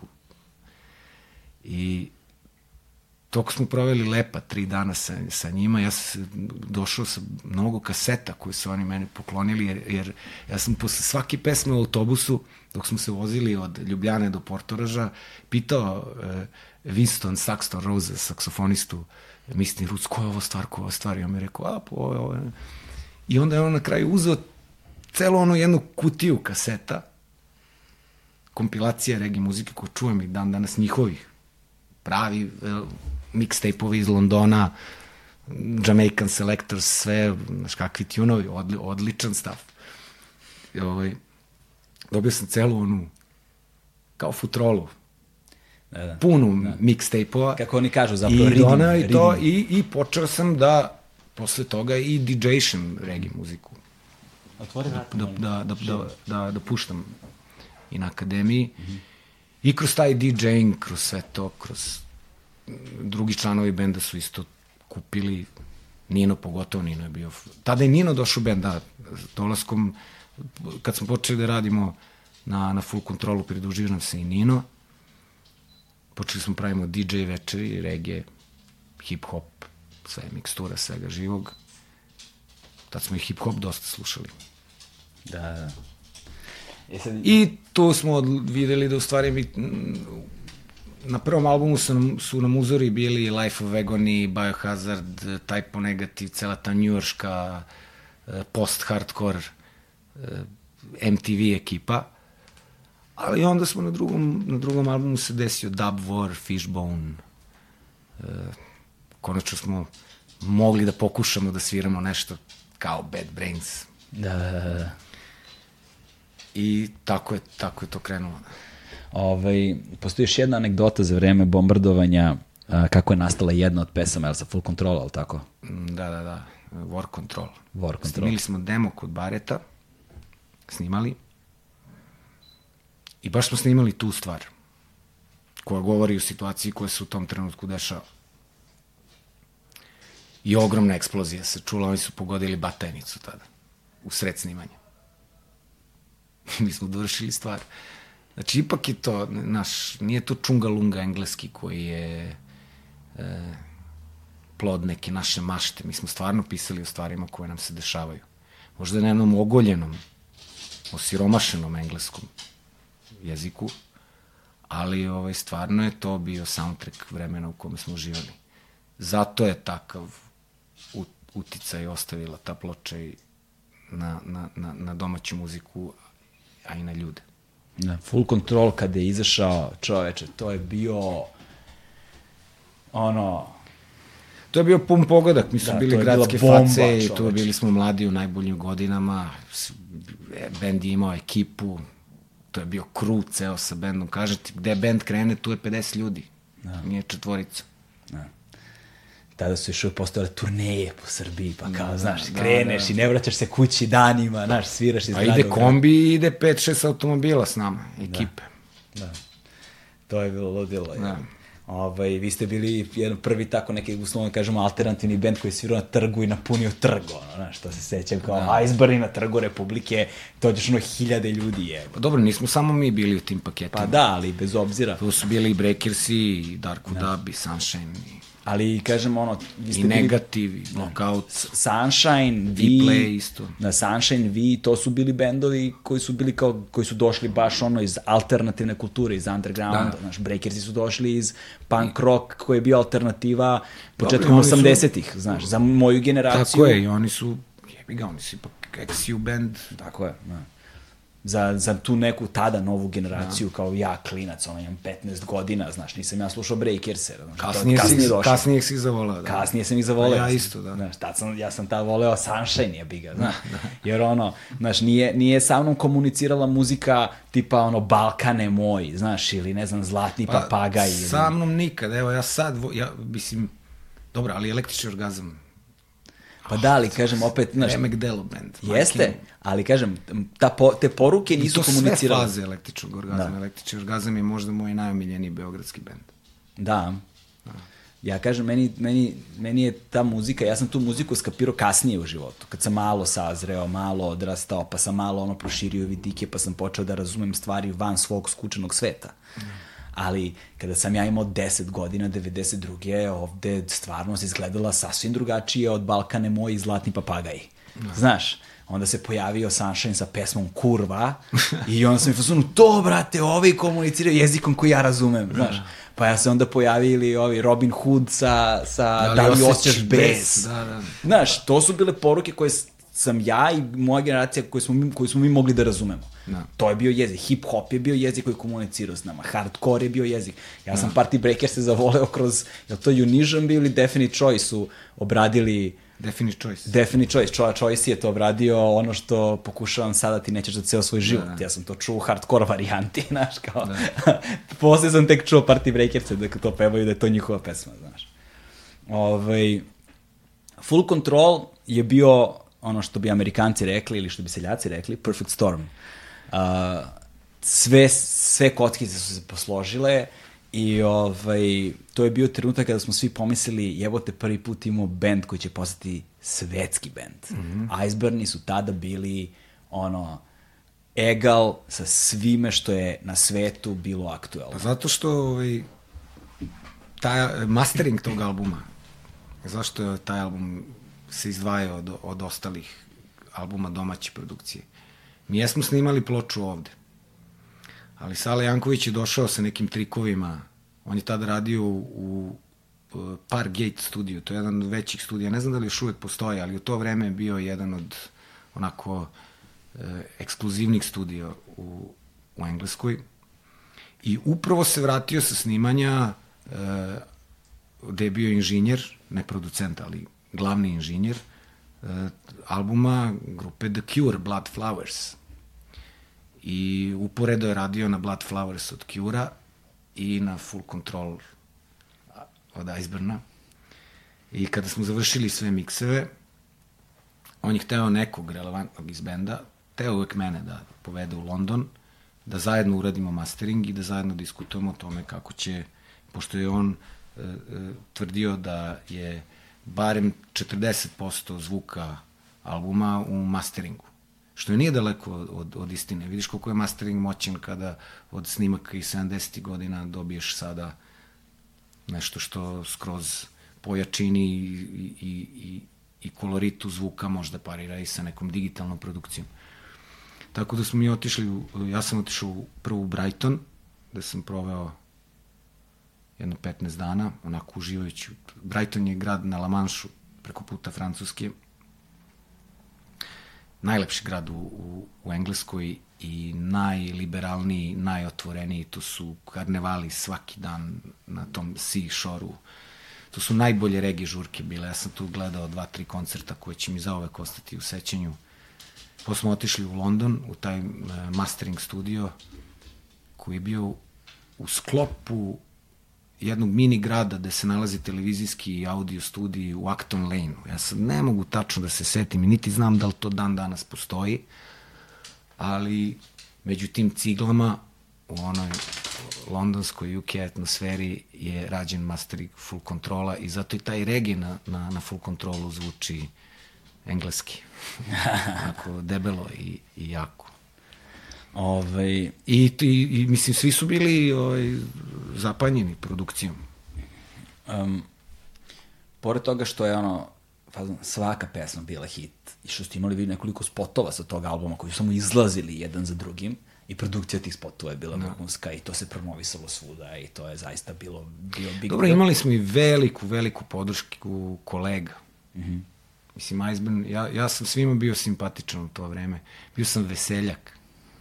Veliki, ovako. Ja sam baš omiljen u društvu uvek. E, konkretno, velik, ve, mnogo od pomoći na snimanju tog albuma je bio Nikola Vranković, koji je postavio mikseve i koji je bio prisutan toko celog snimanja albuma i njegov tač je tu jako bitan. Da, da, Nikola Vranković je ono, da. njegov zvuk i dalje zvuči ono masno i veliko i monstruozno. I ova njegova solo karijera je zaista ono, znači, mislim, zvuk blokauta je u velikoj meri njegov zvuk. Pa, znaš, to mada i Mita i Balać i svi su tu odigrali svoje uloge i tekako. Ovaj, ali ono što je zanimljivo sa full kontrolom zapravo, pored svega toga, jeste što je tom trenutku se dešavaju stvari koje uh, vama otvaraju kapije ono međunarodne muzičke industrije. Sad, gde da počnemo tu priču tačno? Da počnemo sa Bojanom ili sa... Evo ovako, na šta smo preskočili? Šta smo preskočili? Film Munje. Jo, da, je, to je bilo, da, da, to je ono što ja stalno ponavljam, ja sam toliko loš sa domaćom kinematografijom, da, znači, da, e, da, da, film Munje, Re, reci, li, Rizlu imaš ličnu kartu, nemaš. Tako je, to je moj tekst. Možda ćeš večeras ti uspaviti stanici. Eto, tu sam napisao tekst prvi na srpskom koji je kao, e. moj prvi tekst na srpskom. E, Milica Vujović, Ekstremna mica, da, tako smo je zvali tada, ona imala neku emisiju o ekstremnim sportovima. I to je bilo jako zanimljivo, zato što smo mi pravili t, tu stvar, uh, ni nije bilo danas kao, znaš, ti uradiš stvar pa se ona posle edituje po sinopsisu kako treba. Mi smo dobili sinopsis i bukvalno smo pravili, znači, 2,33 ona skače u publiku zajedno sa se, ne, naš. Da. Imali smo sinopsis i po tome smo pravili matricu za tu stvar. E, koliko se sećam, radio je, e, ritam je radio naš drugar Kokan. On je bivši gitarista grupe Overdose. Aha, Overdose, Overdose, kako ne, da, da, da. On je radio taj jungle beat, mi smo preko toga spustili neke najjednostavnije gitare, teli smo neki punk refren. I ja sam napisao taj tekst, Mica je to otpevala, posle toga se pojavio taj film i tad su nam stvarno sva vrata čak na celoj XU teritoriji počela su da se otvaraju. I to, to je onako ja, jedan jako bitan... Ja bih voleo ponovo da radim neku muziku za film. Vidiš, to bi mi bio izazov veliki.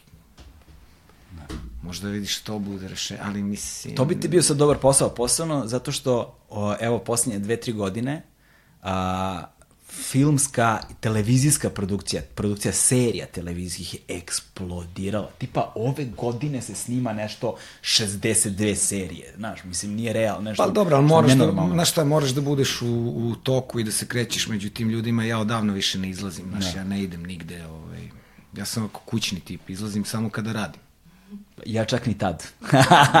Eto, viš, na tvoju sreću. ja radim u kući, znaš. Tako da ovaj, nisam više toj gradskoj ekipi, ne znam te face, o, ne, nemam pojma ko to, ne, mislim, slabo dobijam pozive za tako nešto, znaš, ne znam. Ali eto, možda bi bilo... Možda evo sad, ako nekom padne na pamet, nekom režiseru, da, Može, eto. Ovaj, ovo je svakako mogućnost da se tako nešto desi. Um, dakle, sa Munje Da. vam se otvaraju vrata. I dešava se koncert Soulfly-a u hali sportova takođe. E, Milica koja je tada bila novinar za 92-ku mi kaže, evo ga Max Cavalera ovde, odma dođi. Evo, sedimo, pijemo kafu. Njegova žena, on i ja. I ja, ja im pričam o vama. Ja na taksi, pupet. I uzeo sam sve domaće diskove koje sam imao kod kuće. Sve hardcore, punk, metal, što sam imao, i Vox Populi, znaš šta je bilo sve, Šaht, Vox Populi, sve, sve što sam našao od ortaka. Zato što sam znao da Max uh, voli underground muziku. I da će ga sigurno zanimati da dobije paket izdanja iz Srbije. I tu sam stavio, tad smo još uvek imali samo, to je bilo pre Solida, ja mislim. Ne znam da smo imali Solid tada, ali je bio Gabau, Dog Life i Full Control na toj gomili.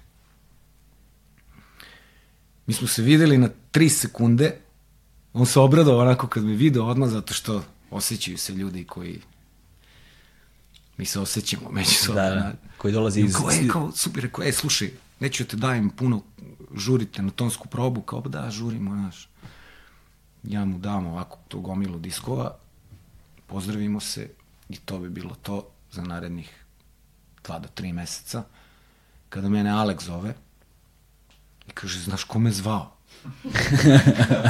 ko te zvao? Gloria Cavalera. Max hoće da radi stvar sa nama za novi Soulfly. Evo su tu u Beogradu. I otišli smo kod Bareta, Opet smo da diskutujemo o tome. On je, on je bio ono, da, regije, metal, to me zanima, da, taj crossover, ono, vi ste veoma imate originalni pristup tome. Zato što u to vreme su se slu, dešavali su se bendovi, ali niko sem, niko sem Dub Vora i Bad Brainsa nije miksao roots regije i dub sa gitarama. Imao si Sublime i ove ska punk bendove, toga je bilo hrpe. I kad god bi neko pokušavao da svira od rock bendova nešto kao regije, to je užasno traljavo zvučalo, zato što ljudi jednostavno nisu slušali tu muziku dovoljno. Nisu ušli u, u, u, u suštinu ti- tih d- d- d- drum lupova, tih be, bas linija, tih dva, četiri gitara koje nisu samo ćang, ćang, ćang, kako to, pa ja znam da sviram regije, šta to, nije, regije je su opasan na, nauka. I mi smo slušali Spira, Bad Brains dubove, Mistin Roots, Culture, Israel Vibration, King Tubby dubove, to sve što i dan danas slušam. Mi smo to preneli u, u, u te segmente regija koje smo imali na albumu. I Max je izrazio želju da napravimo bukvalno da, da Iceburn izađe sa regije deonicom i da sklepamo tu nešto na licu mesta. I bukvalno session za sat i po vremena izašla je Moses. Da. Samo, samo jedna stvar. Da li je istina da slušajući vas uh, je nastao zvuk Skindreda? Da li su Skindred čuli vas zapravo? A ne. Ne, a? To Ne, sam čuo. ne bih Čuo to da rekao, Skindred mislim- došli posle vas. Pa oni jesu došli posle nas, ali oni su bili pre Skindreda, oni su se zvali Dub War, to jest Benji, pevač. Da, Benji, da. E, pevač e, Skindreda je pre toga imao e, bend koji je snimao za Irek izdavačku kuću i ostavio ozbiljan trag na alternativnoj britanskoj sceni. A Skindred je meni malo e, corporate band, znaš. Aha. Liči mi na Slipknot i na te new metal mm -hmm. instant stvari, znaš, oni izdaju album godišnje koji zaboraviš sledeće godine. Da. Ali Dub War je u stvari bend koji je uticao jako na nas i Benji je jedan od, od, od, mojih uticaja velikih, mm -hmm. uticaja na mene. Tako da Skindred, nisam ni neki fan Skindreda, prva dva albuma volim, ali da Dub War je bio bend koji je, koji, Vrati se na temu. I? Elem, uh, Moses je bio gotov za sat, sat i po vremena. Sutra dan smo se opet našli da ga snimimo, spustili smo te trake. Je improvizovao svoj srednji deo, mi smo, većinu pesme smo mi napravili, jer većina pesme je regije. Refren je, njegov deo je. A to je bio problem da se poveže nešto. Ne, ne, ne, sve to išlo tako glatko, nevjerovatno. Pošto, iako je Max heavy metal muzičar, ali nje, njegov mentalitet nije heavy metal. Znaš, Mm. on se ne vraća na istu stvar 20 puta, on je dosta ovako punk, ima taj punk attitude dok pravi pesme. To je što je, nema. I to je snimano kod Bareta u studiju, gde smo mi odrasli Kasnije je to miksao Terry Date, koji je poznat po tome što je radio između od, i Sepulturu i Panteru, Vulgar Display of Power i ne znam koje već sve albume. Znači, te ruke su miksale Nemanju Kojića. Iste koje su miksale i i to je Iceberg. Da, i da, Isto- Derila Dimebega i i... Derila Dambe, Daimega i, i Prong i ne znam, sve set, ne znam, Date. Velika stvar. Sledeće šta se dešava jeste Profesi turneja kada je album izašao. E, Gloria i Max su nas pozvali da mi budemo opening act na evropskom delu turneja. Oko 25 koncerata, cela Evropa. I mi nismo mogli da verujemo šta nam se dešava. Prvo kad smo videli da je album izašao, Gde je vaša pesma na albumu? tako je. I ra rodila se neka nova nada i mi smo već bili, mi smo verovali da je to to. Ko to godina Evo idemo, beše? to je 2004. Ne, e, da, 2004. To je to, idemo. Znači, evo, radili smo 10 godina, verovali smo, dešava se. Međutim, e, vrlo dobro vam je poznato da ako želite da budete predgrupa američkog benda u Evropi, a evropski ste bend, vi prvo morate da platite tom bendu danas ne znam koliko stotina evra po koncertu, plus morate sami da platite sve svoje troškove. Soulfly, znajući našu situaciju, su nam, nisu nam ni tražili da mi njima plaćamo da budemo predgrupa, jer sam ja i nastupao, to jest mi smo nastupali i posle toga i sa njima mm -hmm. na, mo, na Mozis pesme. Ali smo morali da pokrijemo sve troškove ostale sami. I onda smo tu kukomačili ministarstvo, ovo, ono. I svo, svo, sva sreća tada je bio zamenik ministra kultura, ministra kulture Bora Đorđević. Bora Čorba. Čuveni Bora Čorba koji je divan čovjek, stvarno. I on je voleo bend mnogo. Gde god bi se pojavio u, u, u tom periodu, on je, ona se pominjao kao bend koji čiji svaki korak prati. Mi smo ga nazvali, pitali smo ga, jeli Bora, postoji neka mogućnost da ti pogura što je tamo u ministarstvu, da mi dobijemo tih 2000, da li je to, to su već, već su bili evri tad, ti 2000 evra da mi odemo na tu turneju. Jebote 2000 evra. Znaš, ono... Mi nismo imali ništa tad. Kakvi... Pogledam slike sa te turneje, onako odrpani, jadni, na šta smo ličili. Dobro, elem. Dobijemo mi od ministarstva potvrdu da, će, da će da oni sponzorišu ta. Međutim, pare dva dana pre turneju nisu legle uopšte. I ova naš već kad toliko u stresu, toliko se stres, ono, tresemo se svi od neizvesnosti šta Evo će te biti. 2000 evra ti zavisi cela karijera, ono, znaš, pa kao... I tu Bora, ovaj, cimne nekog svog prijatelja koji je došao i da nam zajam te pare, a mi potpišemo da će kad ministarstvo isplati to da vratimo njemu. Znači izvadio iz keš iz džepa da, i da, dao. I dao nam i otišli smo. Borim prijatelj. I stignemo mi, ne promašimo tri koncerta, Tri koncerta se promašili. Da, u stvari band promaši tri koncerta, međutim Gloria je bila toliko izričita da ja moram od prvog koncerta da budem tamo, oni su meni kupili kartu da ja letim za, za Hamburg,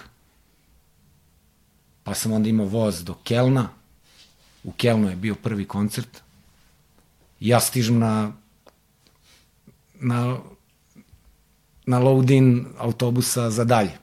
Propustim ja taj prvi koncert, bend je propustio 3-4 koncerta. Mm. I tu je turneja krenula za mene. Dva dana pre. Onda nam se priključio bend. Moj kum Boki je vozio razdrndanog Citroena, onog, da li je bio Fiat ili Citroen, isti su kombi, svi bili crveni kombi koji se raspadao. Nekako su ga nagarili i negde su se priključili svi, da li u Berlinu, da. Ali čekaj, Mufat Hale, Berlin, to je bio prvi koncert. Ali ovaj... Da je i Iceberg nastupao. Ono što ljudi ne znaju jeste da je u to vreme bilo neophodno da se vade vize jebote.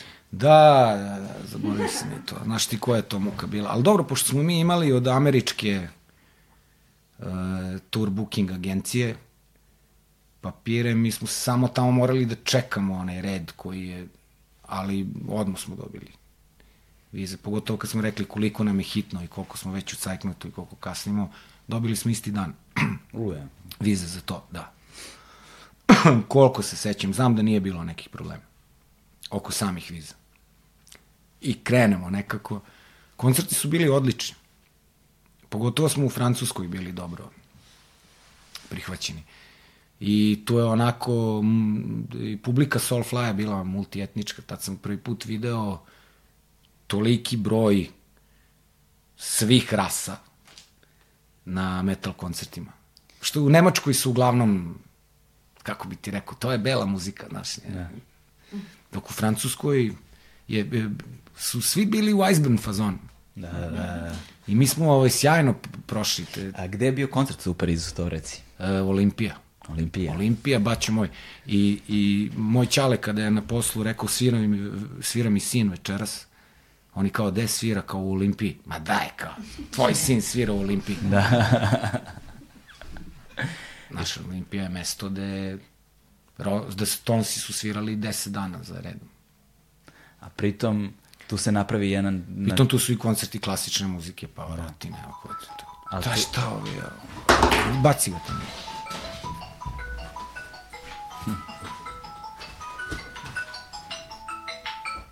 Alek.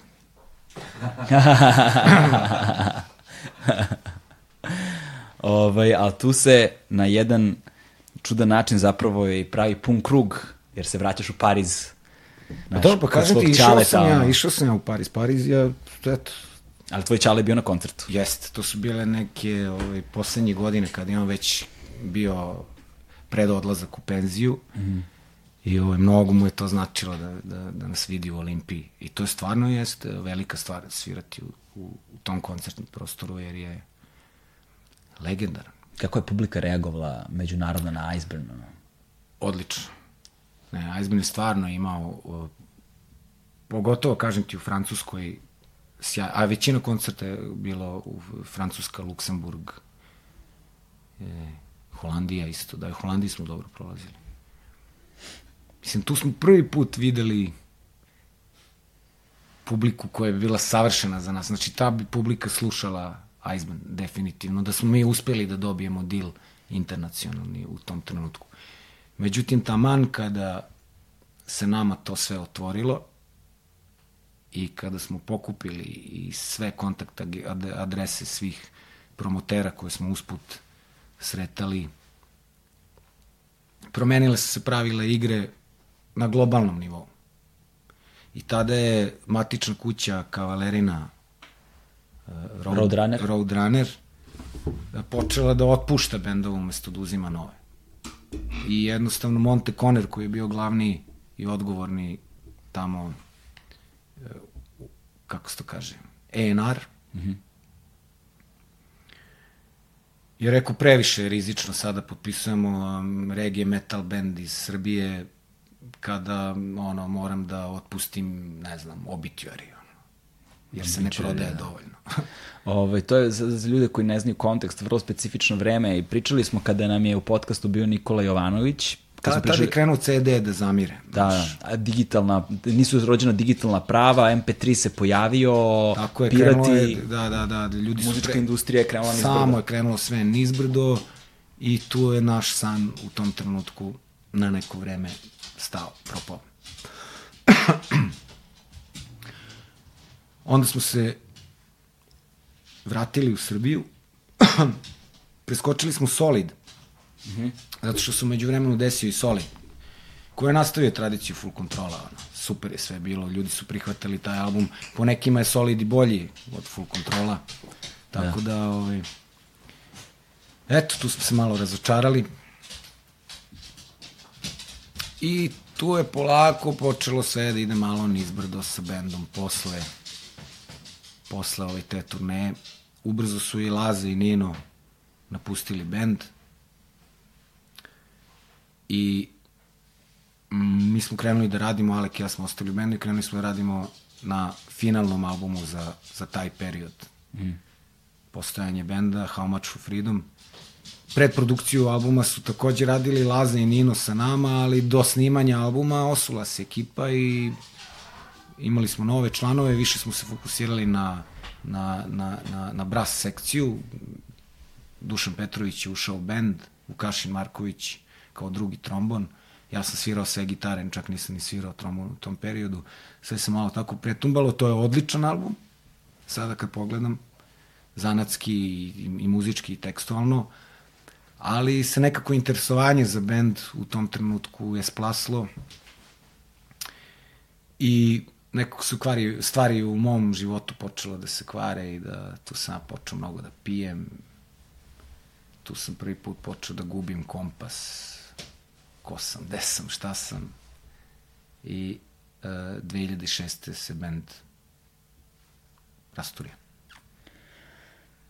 Sećam se tog perioda, ovaj, bio je to dosta težak period, ne samo za vas svakako i za tebe posebno, ovaj, ali je generalno za muzičku industriju i za kulturu bio i u Srbiji dosta težak period. Tada su počeli da zatvaraju sve kulturne ustanove, no. akademija je ubrzo zatvorena, um, uh, SKC je zatvoren, onda SKC radio je ugašen. Sve se radio, to dešavalo u to vreme. Tako, da. brojne radio stanice su ugašene zato što je došao taj zakon o nacionalnim frekvencijama nekim. Tako je, ne. Tako da, mi, sećam se i mi smo tada, ja sam tad radio na Metropolisu, na toj muzičkoj televiziji, mi smo se borili za frekvenciju koju na kraju mislim da nismo uspeli da dobijemo, ja sam već otišao bi onda dao sam otkaz, otišao sam dalje, ja sam tad na MTV-u počeo da radim.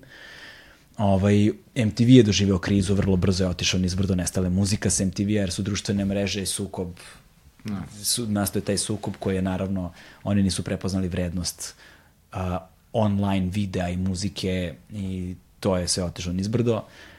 Ovaj, ovde su se dešavale te promene vlasti na gradskom nivou, ovako, onako i prosto stvari nisu izgledale svetlo u tom trenutku ni za koga. A muzička industrija, kao muzička industrija, uh, još uvijek nije razvila ni ove streaming platforme, ni one nisu sad baš nešto da. srećne da. opcije, naš. Ali... Ma, nikako, po, za nas nisu nikako srećne. Ja imam kod jednog uh, uh, distributera za digitalna prava nekih svojih 11 albuma. Ja za svojih 11 solo albuma od tog distributera dobijem po kvartalu nekih 7-8 hiljada dinara. I neko mi priča o digitalnoj distribuciji, o streamingu, kako je to da. budućem svega. Nema, samo su nam uzeli sve. Tako je, kako je. Mislim, ne kukam. Ne, naš, da, da, da. Po, naj, najmanje bi volao da ovaj intervju bude da, da, da, da, jasno, neki, jasno, jasno. Ono, očajnički kao ja. Ali generalno nije, ne, naš, jako, je, jako su loše okolnosti. Ako nemaš vere i ako nisi zadovoljan ovim što, onim, onim što čime se baviš, e, mimo finansijske mm. dobiti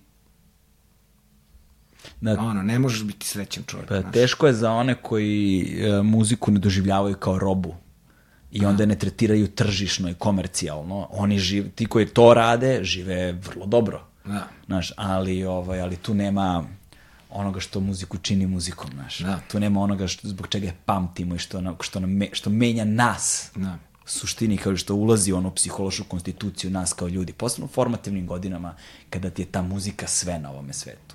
Mm. Ovaj, ali onda sad da promenimo ploču, znate, ovaj, da pričamo malo kada si prvi put otišao u Etiopiju i kada si prvi put otišao na Jamajku, taj, tim iskustvima. Pa, ubrzo, pošto se Iceburn razilazi, ja koristim svoje poznanstvo u Londonu jer je, imaš dva centra roots reggae muzike. Ja sam stvarno u tom trenutku teo isključivo se bavim regijom. I to kao trombonista.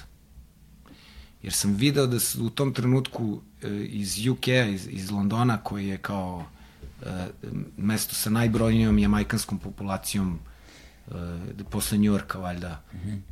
u svetu i postoje dva centra reggae muzike, jedan je Kingston, Jamaica, drugi je London, UK.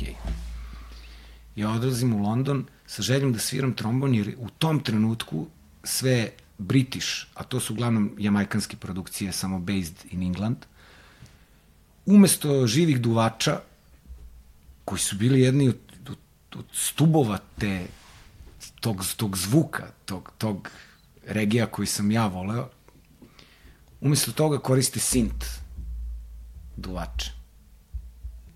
I mene taj zvuk i izluđivao. Naiđem na dobru reggae ploču, dobar reggae album, moderna produkcija i nema duvača, ima sint. Ja sam onda otišao 2006. godine kod Gofi Bebe.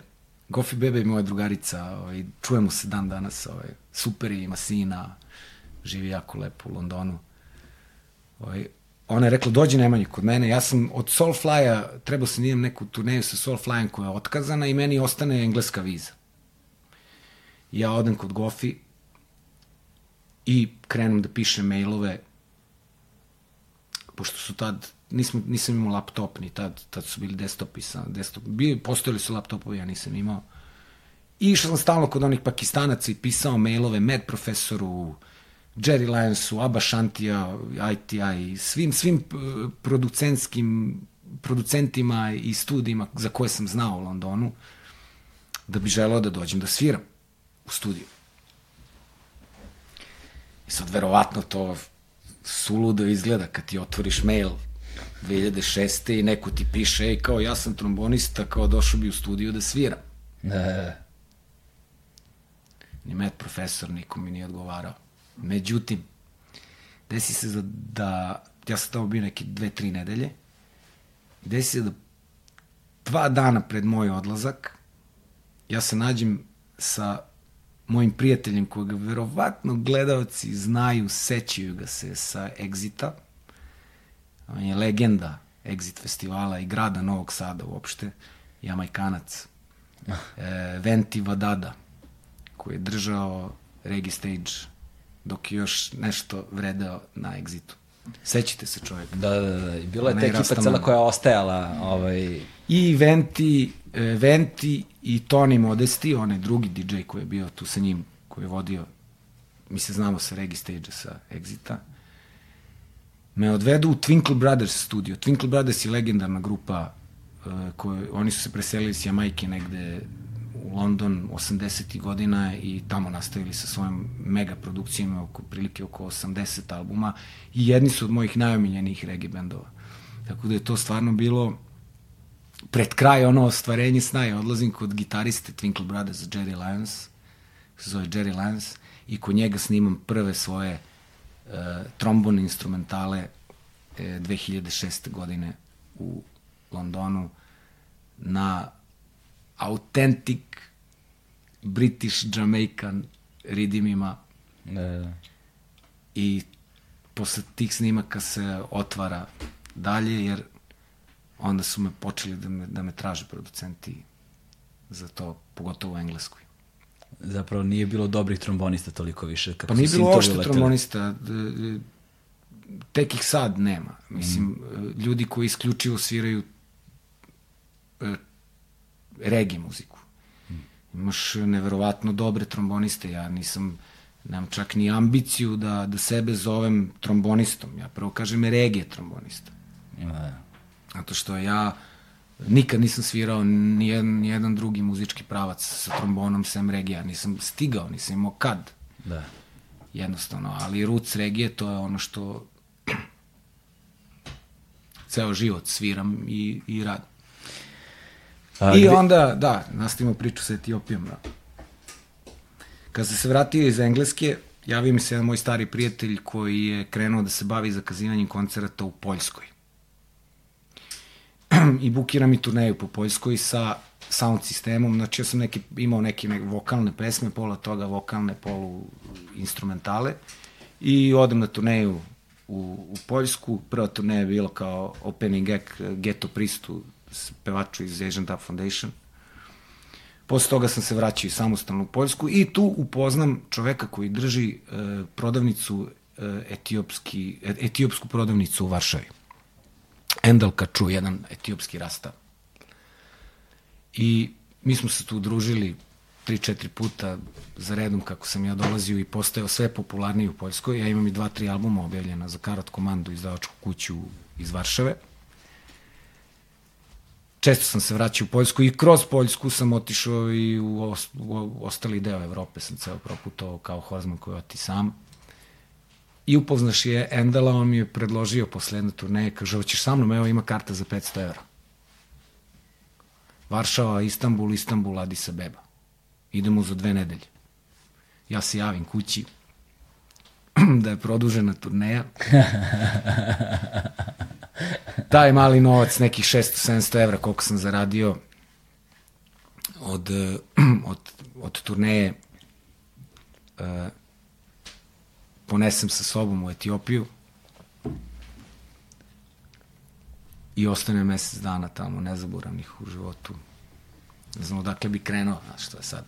Pa, to me zanima, područan dakle god, ono, koji, koji je prvi utisak sletanja na etiopsko tlo? Pa, Pritom si ti Rastafari, ti, tebi je Selasija. pa ono, znaš šta, ja ti kažem sad ovako, ok, ja sam neko ko predstavlja tu kulturu Da. godinama i taj teološki deo cele regije kulture mi je jako blizak i bitan i želeo sam da odem u tu Rastafari obećanu zemlju. Ali da ja kažem da sam ja sad neki tamo big time rastaman, Da.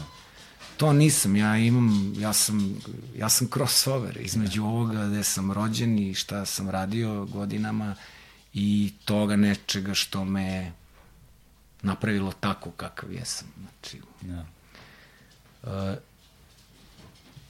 to je bilo moje prvo putovanje van Evrope.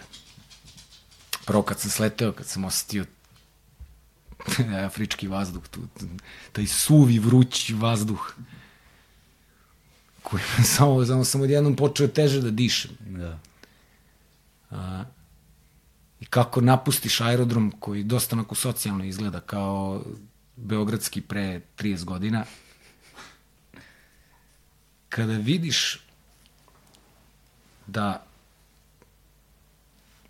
tu civilizacijsku razliku, ono, mislim, to je stvarno kao da se vratiš u neki, u neku drugu doba, kao da si otišao u sred 19. veka, negde u Evropi. Znaš, kao, strašno je vidjeti koliko su ljudi sirom, koliko ljudi mogu biti siromašni, znaš. I nije samo zabava bila ta Etiopija, imao sam potresne trenutke tamo, jako, jako teške momente sam tamo imao. Jednoj ženi smo spasili život iznad, da li smo joj spasili život i to je pitanje. Sa otvorenim prelomom na, na planini iznad manastira Svetog Đorđa Lalibela, penjali smo se kao eks, ekspedicija da vidimo e, crkvu Svetog Đorđa od Ozgo, i zatekli smo ženu koja je na nekom kamenjaru imala, imala otvoreni pre- prelom. Mi smo se onda spuštali nazad do grada, onda je došao neki, neka, neka ambulantna kola su kao došli po nju, pa su nosili na, na krkače do, do, do, do, puta gde mogla da... Ali su tražili novac da bi uopšte vodili u bolnicu. I onda smo mi tu par stranaca, bila neka engleskinja doktorka isto, ona je tu previla ranu. Ne, naš, treba se navići na, na to siromaštvo. Znaš, to je ono što mi prvih nedlju dana uopšte, jako mi je bilo teško sve to da gledam. Zato što toliko teške prizore vidiš na ulici Adisa Bebe, da, ovaj, mislim da sam i video par mrtvih ljudi koji leže na po, niko, danima već muve oko njih. I onda dobro, ok, dok se digestuješ to, taj, ti prvi utisci, ali, mislim, Etiopljani kao narod su stvarno super ljudi. Mnogo su otvoreni, mnogo su druželjubivi, gostoprimivi. Hrana je izvanredna, pikantna je onako, ima za vegane, za vegetarijance, super uvek. Pošto oni su e, veoma religiozni. Tamo je sreda i petak se posti to Znači ti ne možeš nigde vadi sa bebi da nađeš nešto s mesom sredom i petkom. No, tamo su zapravo pravoslavni kopti. Da. Imao sam čak i koncert u, u Addis Abebi sa, sa dva koncerta. U. S, jedan akustični sa, sa Ras Quincab u e, klubu koji se zove Harlem Jazz, koji je blizu aerodroma i gde uglavnom dolaze turisti i to sve, ali dobro, i to, i to, je, bio, to je bilo prvo iskustvo. A drugo iskustvo je bilo super, baš u centru Addis Abebe sam svirao sa najpoznatijim uh, etiopskim reggae bendom, pošto sam im dan pre toga dao diskove da čuju šta ja radim, oni su se oduševili, pozvali me na koncert da, da džemujemo. Oni se zovu Amarik Brothers. I ovaj, to je onako bio jedan heavy jam, roots regio, jedno 25 minuta. Ge, gemol, gemol, one drop. Amol, Stepas. I oni jako su naslušani regije i super je bio taj, taj session onako. I tu sam baš svirao, svirao pred Etiopljanim. To je onako nezaboravno. Nažalost, tada sam u fotoaparatu, to je bilo 2009. godine, imao sam neki mali Canon. Imao sam karticu samo od 2 giga. Ništa nisam snimao video, samo sam slikao. I sa tog koncerta imam, imam nek par fotki. Ali nemam, nemam, nemam video materijala od, iz, iz 2009. iz Etiopije, ništa. Možda tako i bolje, znaš. Ma možda i bolje, da. da. Sećanja su lepša. Malo romantizovano. Tako je, tako je, da. Malo nam nedostaje te mistike, izgubili smo je sa ovom Da. demistifikovanom digitalnom stvarnošću. Tako je, znaš. pa mnogo stvari demistifikovano. Mm. I nedostaje nam malo Da, toga. da, malo mašte. Aha, malo više nam nedostaje te mašte, imaginacije, imaginarnog sveta. Znaš, jer na kraju negde nije toliko šta si doživeo doslovno, koliko je ono šta si poneo sa sobom. Da, da. Šta je ostalo u tebi, šta te je promenilo, znaš, kakav si čovjek postao nakon tih iskustava. I ove, eto, to, to, to je Etiopija stvarno, mislim, ja sam bio, uh, najviše vremena sam provodio u Adisu, mm -hmm. Tu sam bio smešten u, u, u legendarnom hotelu, to je prvi hotel koji je sagrađen na, teri, na teritoriji Afrike uopšte. Uh, I digla ga je, uh, da li Haile Selassiova majka, da, Taitu, Empress Taitu, to je žena Menelika drugog. Ona je podigla taj hotel prvi, ja sam tu bio smešten i onda sam išao na običnim prevozom, sa običnim narodom, s trombonom, svuda, da vidim tako te neke stvari koje su bile neophodne da se vidi. Jer tamo kad putuješ 150 km, to je kao kad putuješ hiljadu i po ovde. Da. To traje. Neverovatne stvari su se dešavale usput. Ali ovaj, nisam stigao da vidim Gondar i Aksum kao sledeći put, a vidiš evo već 11 godina nije se desio sledeći put, možda će se desiti verovatno hoće, želao bi da odem ponovo u Etiopiju, ali sam video Lalibelu i to je onako ostavilo jak utisak na mene, stvarno. Strašno mi se sviđaju ta, te liturgije njihove, sviđaju, ne, sviđaju glupa reč, nego da. veličanstveni doživlje to iskusiti, zato što je ta radost Bogu tamo toliko velika. I to je, e, tamo postoji ljubav prema Bogu, ne postoji strah toliki. Znaš, ovde dolaze, ovde ljudi u crkvu dolaze iz straha. Strahopoštovanje, ideolo, ideolopoklonstva prema nekom svetu, svetom čoveku. Tamo to ne postoji. Tamo se deca ujutru, nedeljom ujutru po, po crkvi jurnjaju, dernjaju, ko ne može sedi, bubnjevi se sviraju, drugačije skroz izgleda. I to pojanje njihovo jako je čudno jako zanimljivo za, za, za čuti. Šta je, šta, šta, je, šta je specifičnost tog pojanja? Pa, znaš, kad ga prvo čuješ, ne znaš da li je islam ili... Znaš, čudno je. Sve, sve čudno je to pravoslavlje njihovo. I, i ikone su predivne. Mislim, svako ko zna ikonografiju etiopsku zna o čemu pričam. Uopšte ti etiopski krstovi kako su pravljeni. Mislim, velik doživlja, stvarno nešto posebno. Ovaj, kada i kako odlaziš na Jamajku prvi put? Na Jamajku sam, bez obzira što imam toliko jamajkanaca, prijatelja, odlazim tek prvi put prošle godine, 2019. pa 2020. ponovo. Prošle godine uz pomoć jednog prijatelja, on ne voli ja da to pominjem, Aha. ali ću ga ovom prilikom pozdraviti i zahvaliti mu se jako puno, zna on. You know who you are. Uz njegovu pomoć sam otišao tamo i prvi i drugi put. I imao sam drugare, John Mason me čekao tamo već. U Kingstonu nisam baš znao puno ljudi, ali Kingston je mali, trombonista na Jamajci, pff, za dva dana eto te u studiju, da. Tough Gong, sve, Marlijevi, Jesse Royal, evo sad snimam za celo Jamajku, radim. Ko, uh, Mislim, koliko, na Jamajci sam bio u 6-7 studija, River Nile, John Mason, Bob Marlijev, Tough Gong, uh, za Tav Gong već radim godinama ja online, e, kroz e, holandsku prestižnu e, dub reggae etiketu Just Solid Rock. Za nju izdaju e, pevač iz Steel Pulse, David Hintz, iz Asvada, Brinsley Ford.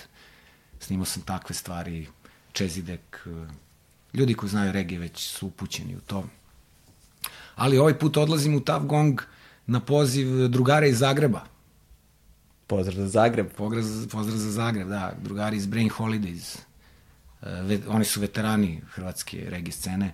Ispostavi se da smo u isto vreme u, u Kingstonu i rekao, pa gde ste, šta ste? Evo mi snijemo album u Tough Gongu, ajde dođi. Jer rekao, super, treba ja da se vidim sa Rolandom. Roland je glavni inženjer Tough Gonga.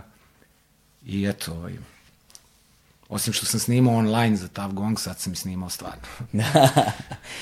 um, Iskusio sam i režiju i gluvu sobu. I. Kako, kako, kako na Jamajci izgleda slika Etiopije u kojoj si zapravo bio pre toga? To ja mislim da je to, jako malo je stiglo do Etiopije. Pa da. Jer e, pravi Rastafari ako dođu, dođu do Etiopije, oni se ne vraćaju. Dan. U Etiopiji kad sam bio, naravno, išao sam u Šašamane. To je o, obećana zemlja koju je Haile Selassie dao svim Afrikancima e, iz, sa Kariba iz Amerike da se vrate. Dao im je to zemljište tamo. To je kada je svrgnut Haile Selassie malo sve promenjeno. Su posle toga imali velike probleme tamo sa vlastima kad je došla ta bolševička vlast. I taj Meginstu koji je posle Haile Selassija i koji važi za jedan od najvećih diktatora sveta, on je pobio oko 2,5 miliona ljudi. Naravno i ta dijaspora je, uh, afrička koja je došla u Etiopiju iz sa Kariba, iz, iz, iz Amerike i oni su imali probleme i dosta se njih vratilo. Ali ta mala Jamajka u Etiopiju su postoji, šašamane. Tad sam, tamo sam upoznao dosta tih ljudi i oni su stvarno došli tamo pre, neki pre 50, neki pre 30, neki tek sad, ali grade taj svoj community tamo. Ima i dosta belaca koji su ubeđeni da potiču iz Afrike. Sa mnom to nije slučaj. Kad sam ti rekao ono da ne. ja ne mogu da kažem da sam neki big time rastaman, nisam big time rastaman, ali predstavljam tu kulturu i volim i verujem i volim Haile Selassie, volim Etiopiju, i volim Jamajku. I Bilo bi čudno da ne voliš, znaš. Da. Bilo bi vrlo, vrlo čudno. Znaš, volim te ljude, imam puno prijatelja i, i moj stav u odnosu na ceo svet se formirao no. kroz... Na Jamajce, nažalost, isto kroz jako puno siromaštva, ovaj, na vrlo sličan način, znaš, i oni tamo zavise od te šećerne trske u velikoj ne, meri. oni, oni, izda, oni izvoze boksit i, mm. i kafu. Mhm. Mm to, je, to, to se najviše izvozi, ali mislim, znaš šta je problem? Problem je što 95% ljudi na majci nije nikad napustilo ostravo. I to je jako frustrirajuće za njih. E, jedini izlaz je sport ili muzika. Mm. I zato na majci svi sviraju i svi pevaju. U stvari, redko ko svira, svi pevaju. Neverovatne talente možeš na ulici da čuješ da se zapitaš zašto ovaj nije čoveče zvezda internacionalna. Da.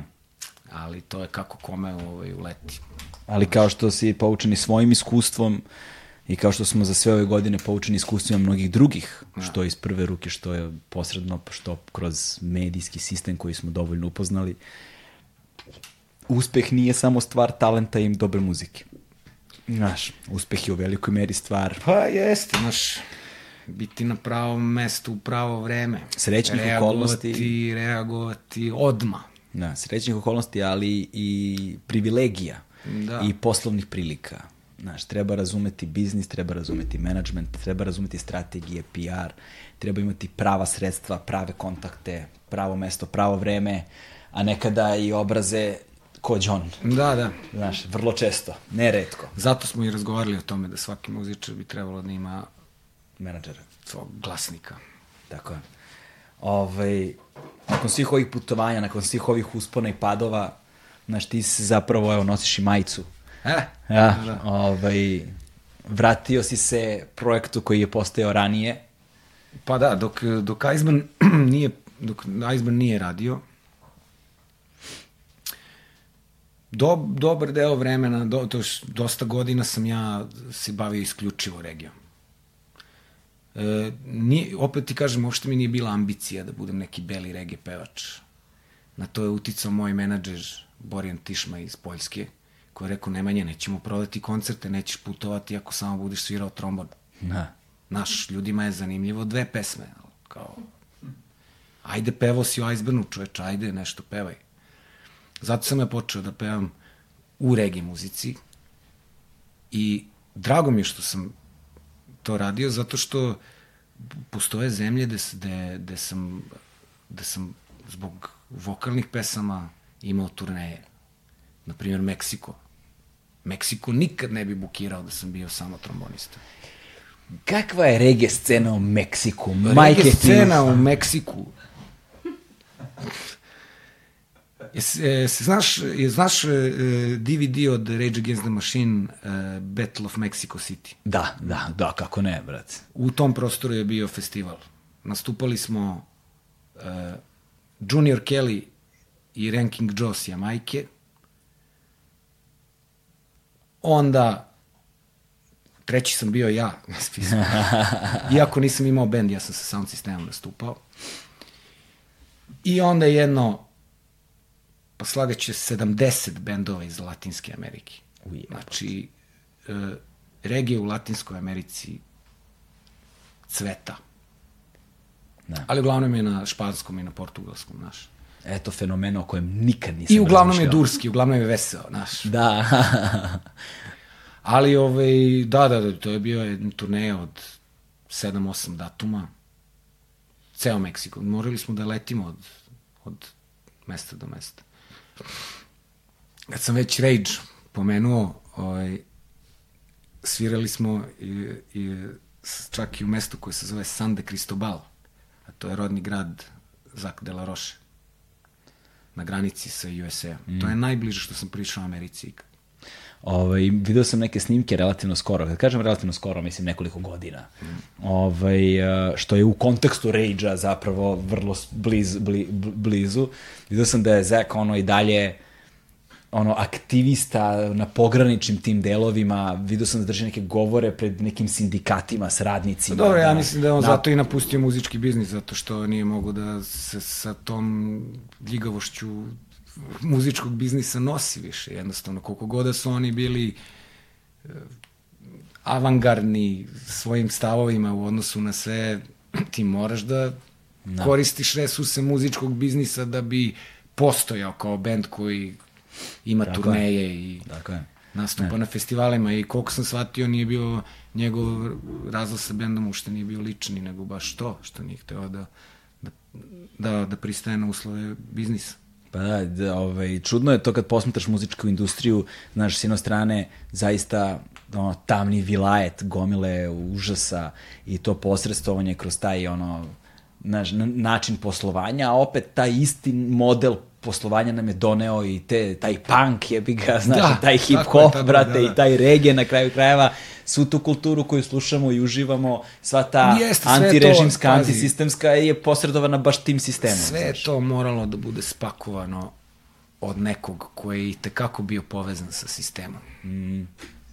Evo ti čist primer, eh, Chris Blackwell, eh, vlasnik izdavačke kuće Island Records, čovjek koji je probio Bono Voxa, Bob Marleya, koga još, Anthrax, ne znam, lupam, ko je sve izdavao za Island Records. Biznismen. On je poš Jamaican, shvataš, Brit, jako, jako bogati uh, Englez koji živi na Jamajci i kome su... Sv... Kolonijalizam na delu. brate. da, A, to je. tome se radi. Što ne znači da on loš čovjek, ovako, lično, ali eto, pričam da To je onaj trenutak o privilegijama kojima smo govorili, znaš. Tako je, da. Nije sve jedno ko si i šta si, znaš. Biti muzičar iz Srbije, biti muzičar iz Velike Britanije nije isto. Nije isto, da. Pa ja mislim da zato, ovaj, e, e, naš, na regi sceni, upravo kad smo krenuli da pričamo o, o vokalima i to, e, ja mislim da sam ja ove godine snimio poslednji reggae album na kome ću pevati. Znači, ja sam reggae trombonista u tom svetu. Da. Sad kada sam došao do, do, do toga da sviram trombon za Lee Scratch Perija, za Steel Pulse, za Aswad. Da. Ne, e, ne želim da, ovaj, da miksam više pevanje u to, zato što jednostavno nećemo više putovati mm. tako lako kao što smo ranije. I uh, mislim da u toj, u toj sceni pripadam kao trombonista. Dobro, ne znam zašto sam možete to početi da pričam. Da skačemo s teme na temu, ne, dugo ne, traje ne, razgovor. Da, nema veze. Zapravo, pola, evo, ulazimo sad u film fazu razgovora, da pomenemo, dakle, vra, da se vratimo na remedi. Počeli smo od remedija i otišli smo dalje, ali nismo se vratili. Dakle, ti si se, ti si paralelno zapravo kad se raspao, raspao Iceburn, svirao puno regija, tako smo počeli. Tako je, znaš, tako da. je, da. I onda u jednom trenutku mi se desila potreba da da imam rock band. Mm -hmm. Iceman se bio isto oformio 2013. Prošao je dve, tri različite faze, snimili smo album Reality Check koji je bio super, mm -hmm. je sjajan album. I band je ponovo radio 2013. do 2016. kada je opet pukao. Da. Međutim, meni se osladilo da imam, imao sam, je, imao sam dosta pesama rock, pošto da, da, dugo da. nisam pisao tak, takve pesme. Da, da. I hteo sam da nastavim sa nečim novim. Prvo je bila ideja da snimim solo rock album koji bi se zvao Samo Nemanja Kojić. Mm -hmm. I sretnem škoru bubnjara Deda i Dijas. Vidiš kako se okreće kako krug vreme. ceo. Da. I on za mene važi za jednog najboljih bubnjara u odnosu na moje pesme. Ja volim kako on svira ono što ja napišem, kako on smisli bubanj aranžman. I rekao, hoće da sviramo, kaže, hoću. I tu se nađemo kao, hoćemo, hoćemo to, Nemanja Kojić album. I kao, ma daj da budemo band. I ja kao, eto vidiš, da sam imao menadžera, ne bi to bilo tako, znaš. Da, da se zvalo Nemanja Kojić, verovatno bi bilo mnogo uspešnije. Da. Jer i dan danas niko ne zna šta je Remedy, jer Meni su i sa Exita rekli, ej, kao, brate, ton remedi nama ništa ne znači. Da, da, da. Mi se zaluđuješ, da, znaš, nema više štampe, nema niko više da proprati da je to tvoj novi bend.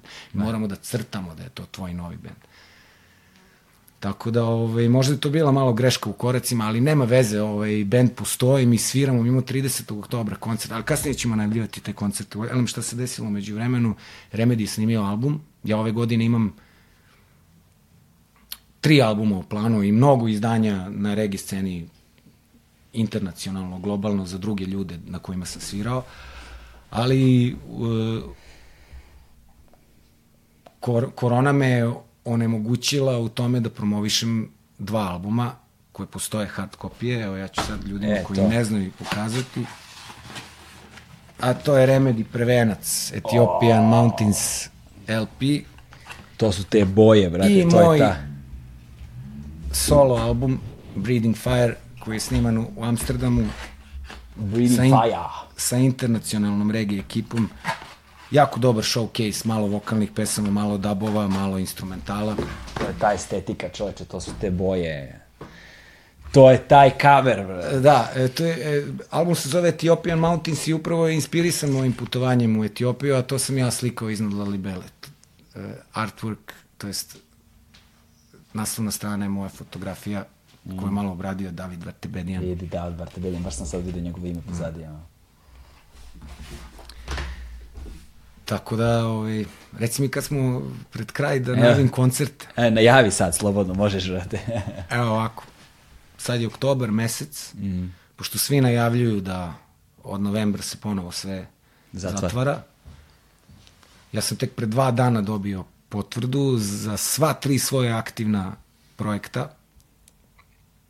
Zborio sam da kažem da ponovo sviram u grupi Sunshine, ima tome već godinu, dve. Oh, jebote, čoveče, da, da. wow, Sunshine. Tako da imam da najavim tri koncerta do kraja oktobra, a to je prvi u Novom Sadu, Iceburn, Mm -hmm. U ovom klubu gde su i KKN svirali nešto B, 62, 63, nešto skraćenice, neka nam pojma. Novi dobro, Sad, to je 17. Dobro si ga najavio. dobro, znaju ljudi, verovatno. Pa znaju, Jedini ak, aktivni kon, da. koncertni prostor, prostor trenutno. To se dešava 17. 24. Sunshine u Festu. Dvorište ovo sad napolje Da, što da, da, da. repetitori su to sad Tako svirali tako, isto. da, Da, da. Iceburn je leto svirao. I Remedy ima konačno promociju LP-a u KC gradu 30. I to je to. 30. oktobra. 17. Iceburn Novi Sad, 24. Sunshine Fest, 30.. 30. Remedy KC grad. To je to. Ovaj, kad god pričamo o tebi, kažemo Kojot, ali kad god ti se obraćam, obraćam lično, moram kažem Nemanja. Znaš, ne, ne, ne, Ja ne, više volim. Da, da, Ja ne, ne znam kako drugačije. Ovaj, hvala ti puno što si bio Hvala, ovaj, Galebe, da, naš, naš gost, a, što si došao kod nas, što si podelio ove divne priče. A, uživao sam koliko god je trebalo, sigurno preko Nadam dva se sata. da nije bilo dosadno. Ne, ne, ne, ne, ne, daleko od toga, daleko od toga, hvala ti puno, vidimo se, definitivno ću doći na promociju Remedija, to nema greške, Ove, za ovo ostalo ću videti šta bude mogao i ako bude mogao. A, hvala puno vama koji ste bili uz nas, ne zaboravite, možete da podržite naš podcast preko a, jednokratnih uplata na Paypalu, a, mesečnih pretplata preko Patreona, možete da nas slušate na audio platformama, linkovi su u opisu videa i to je to bilo to, završili smo za danas, hvala vam, ćao. Peace out.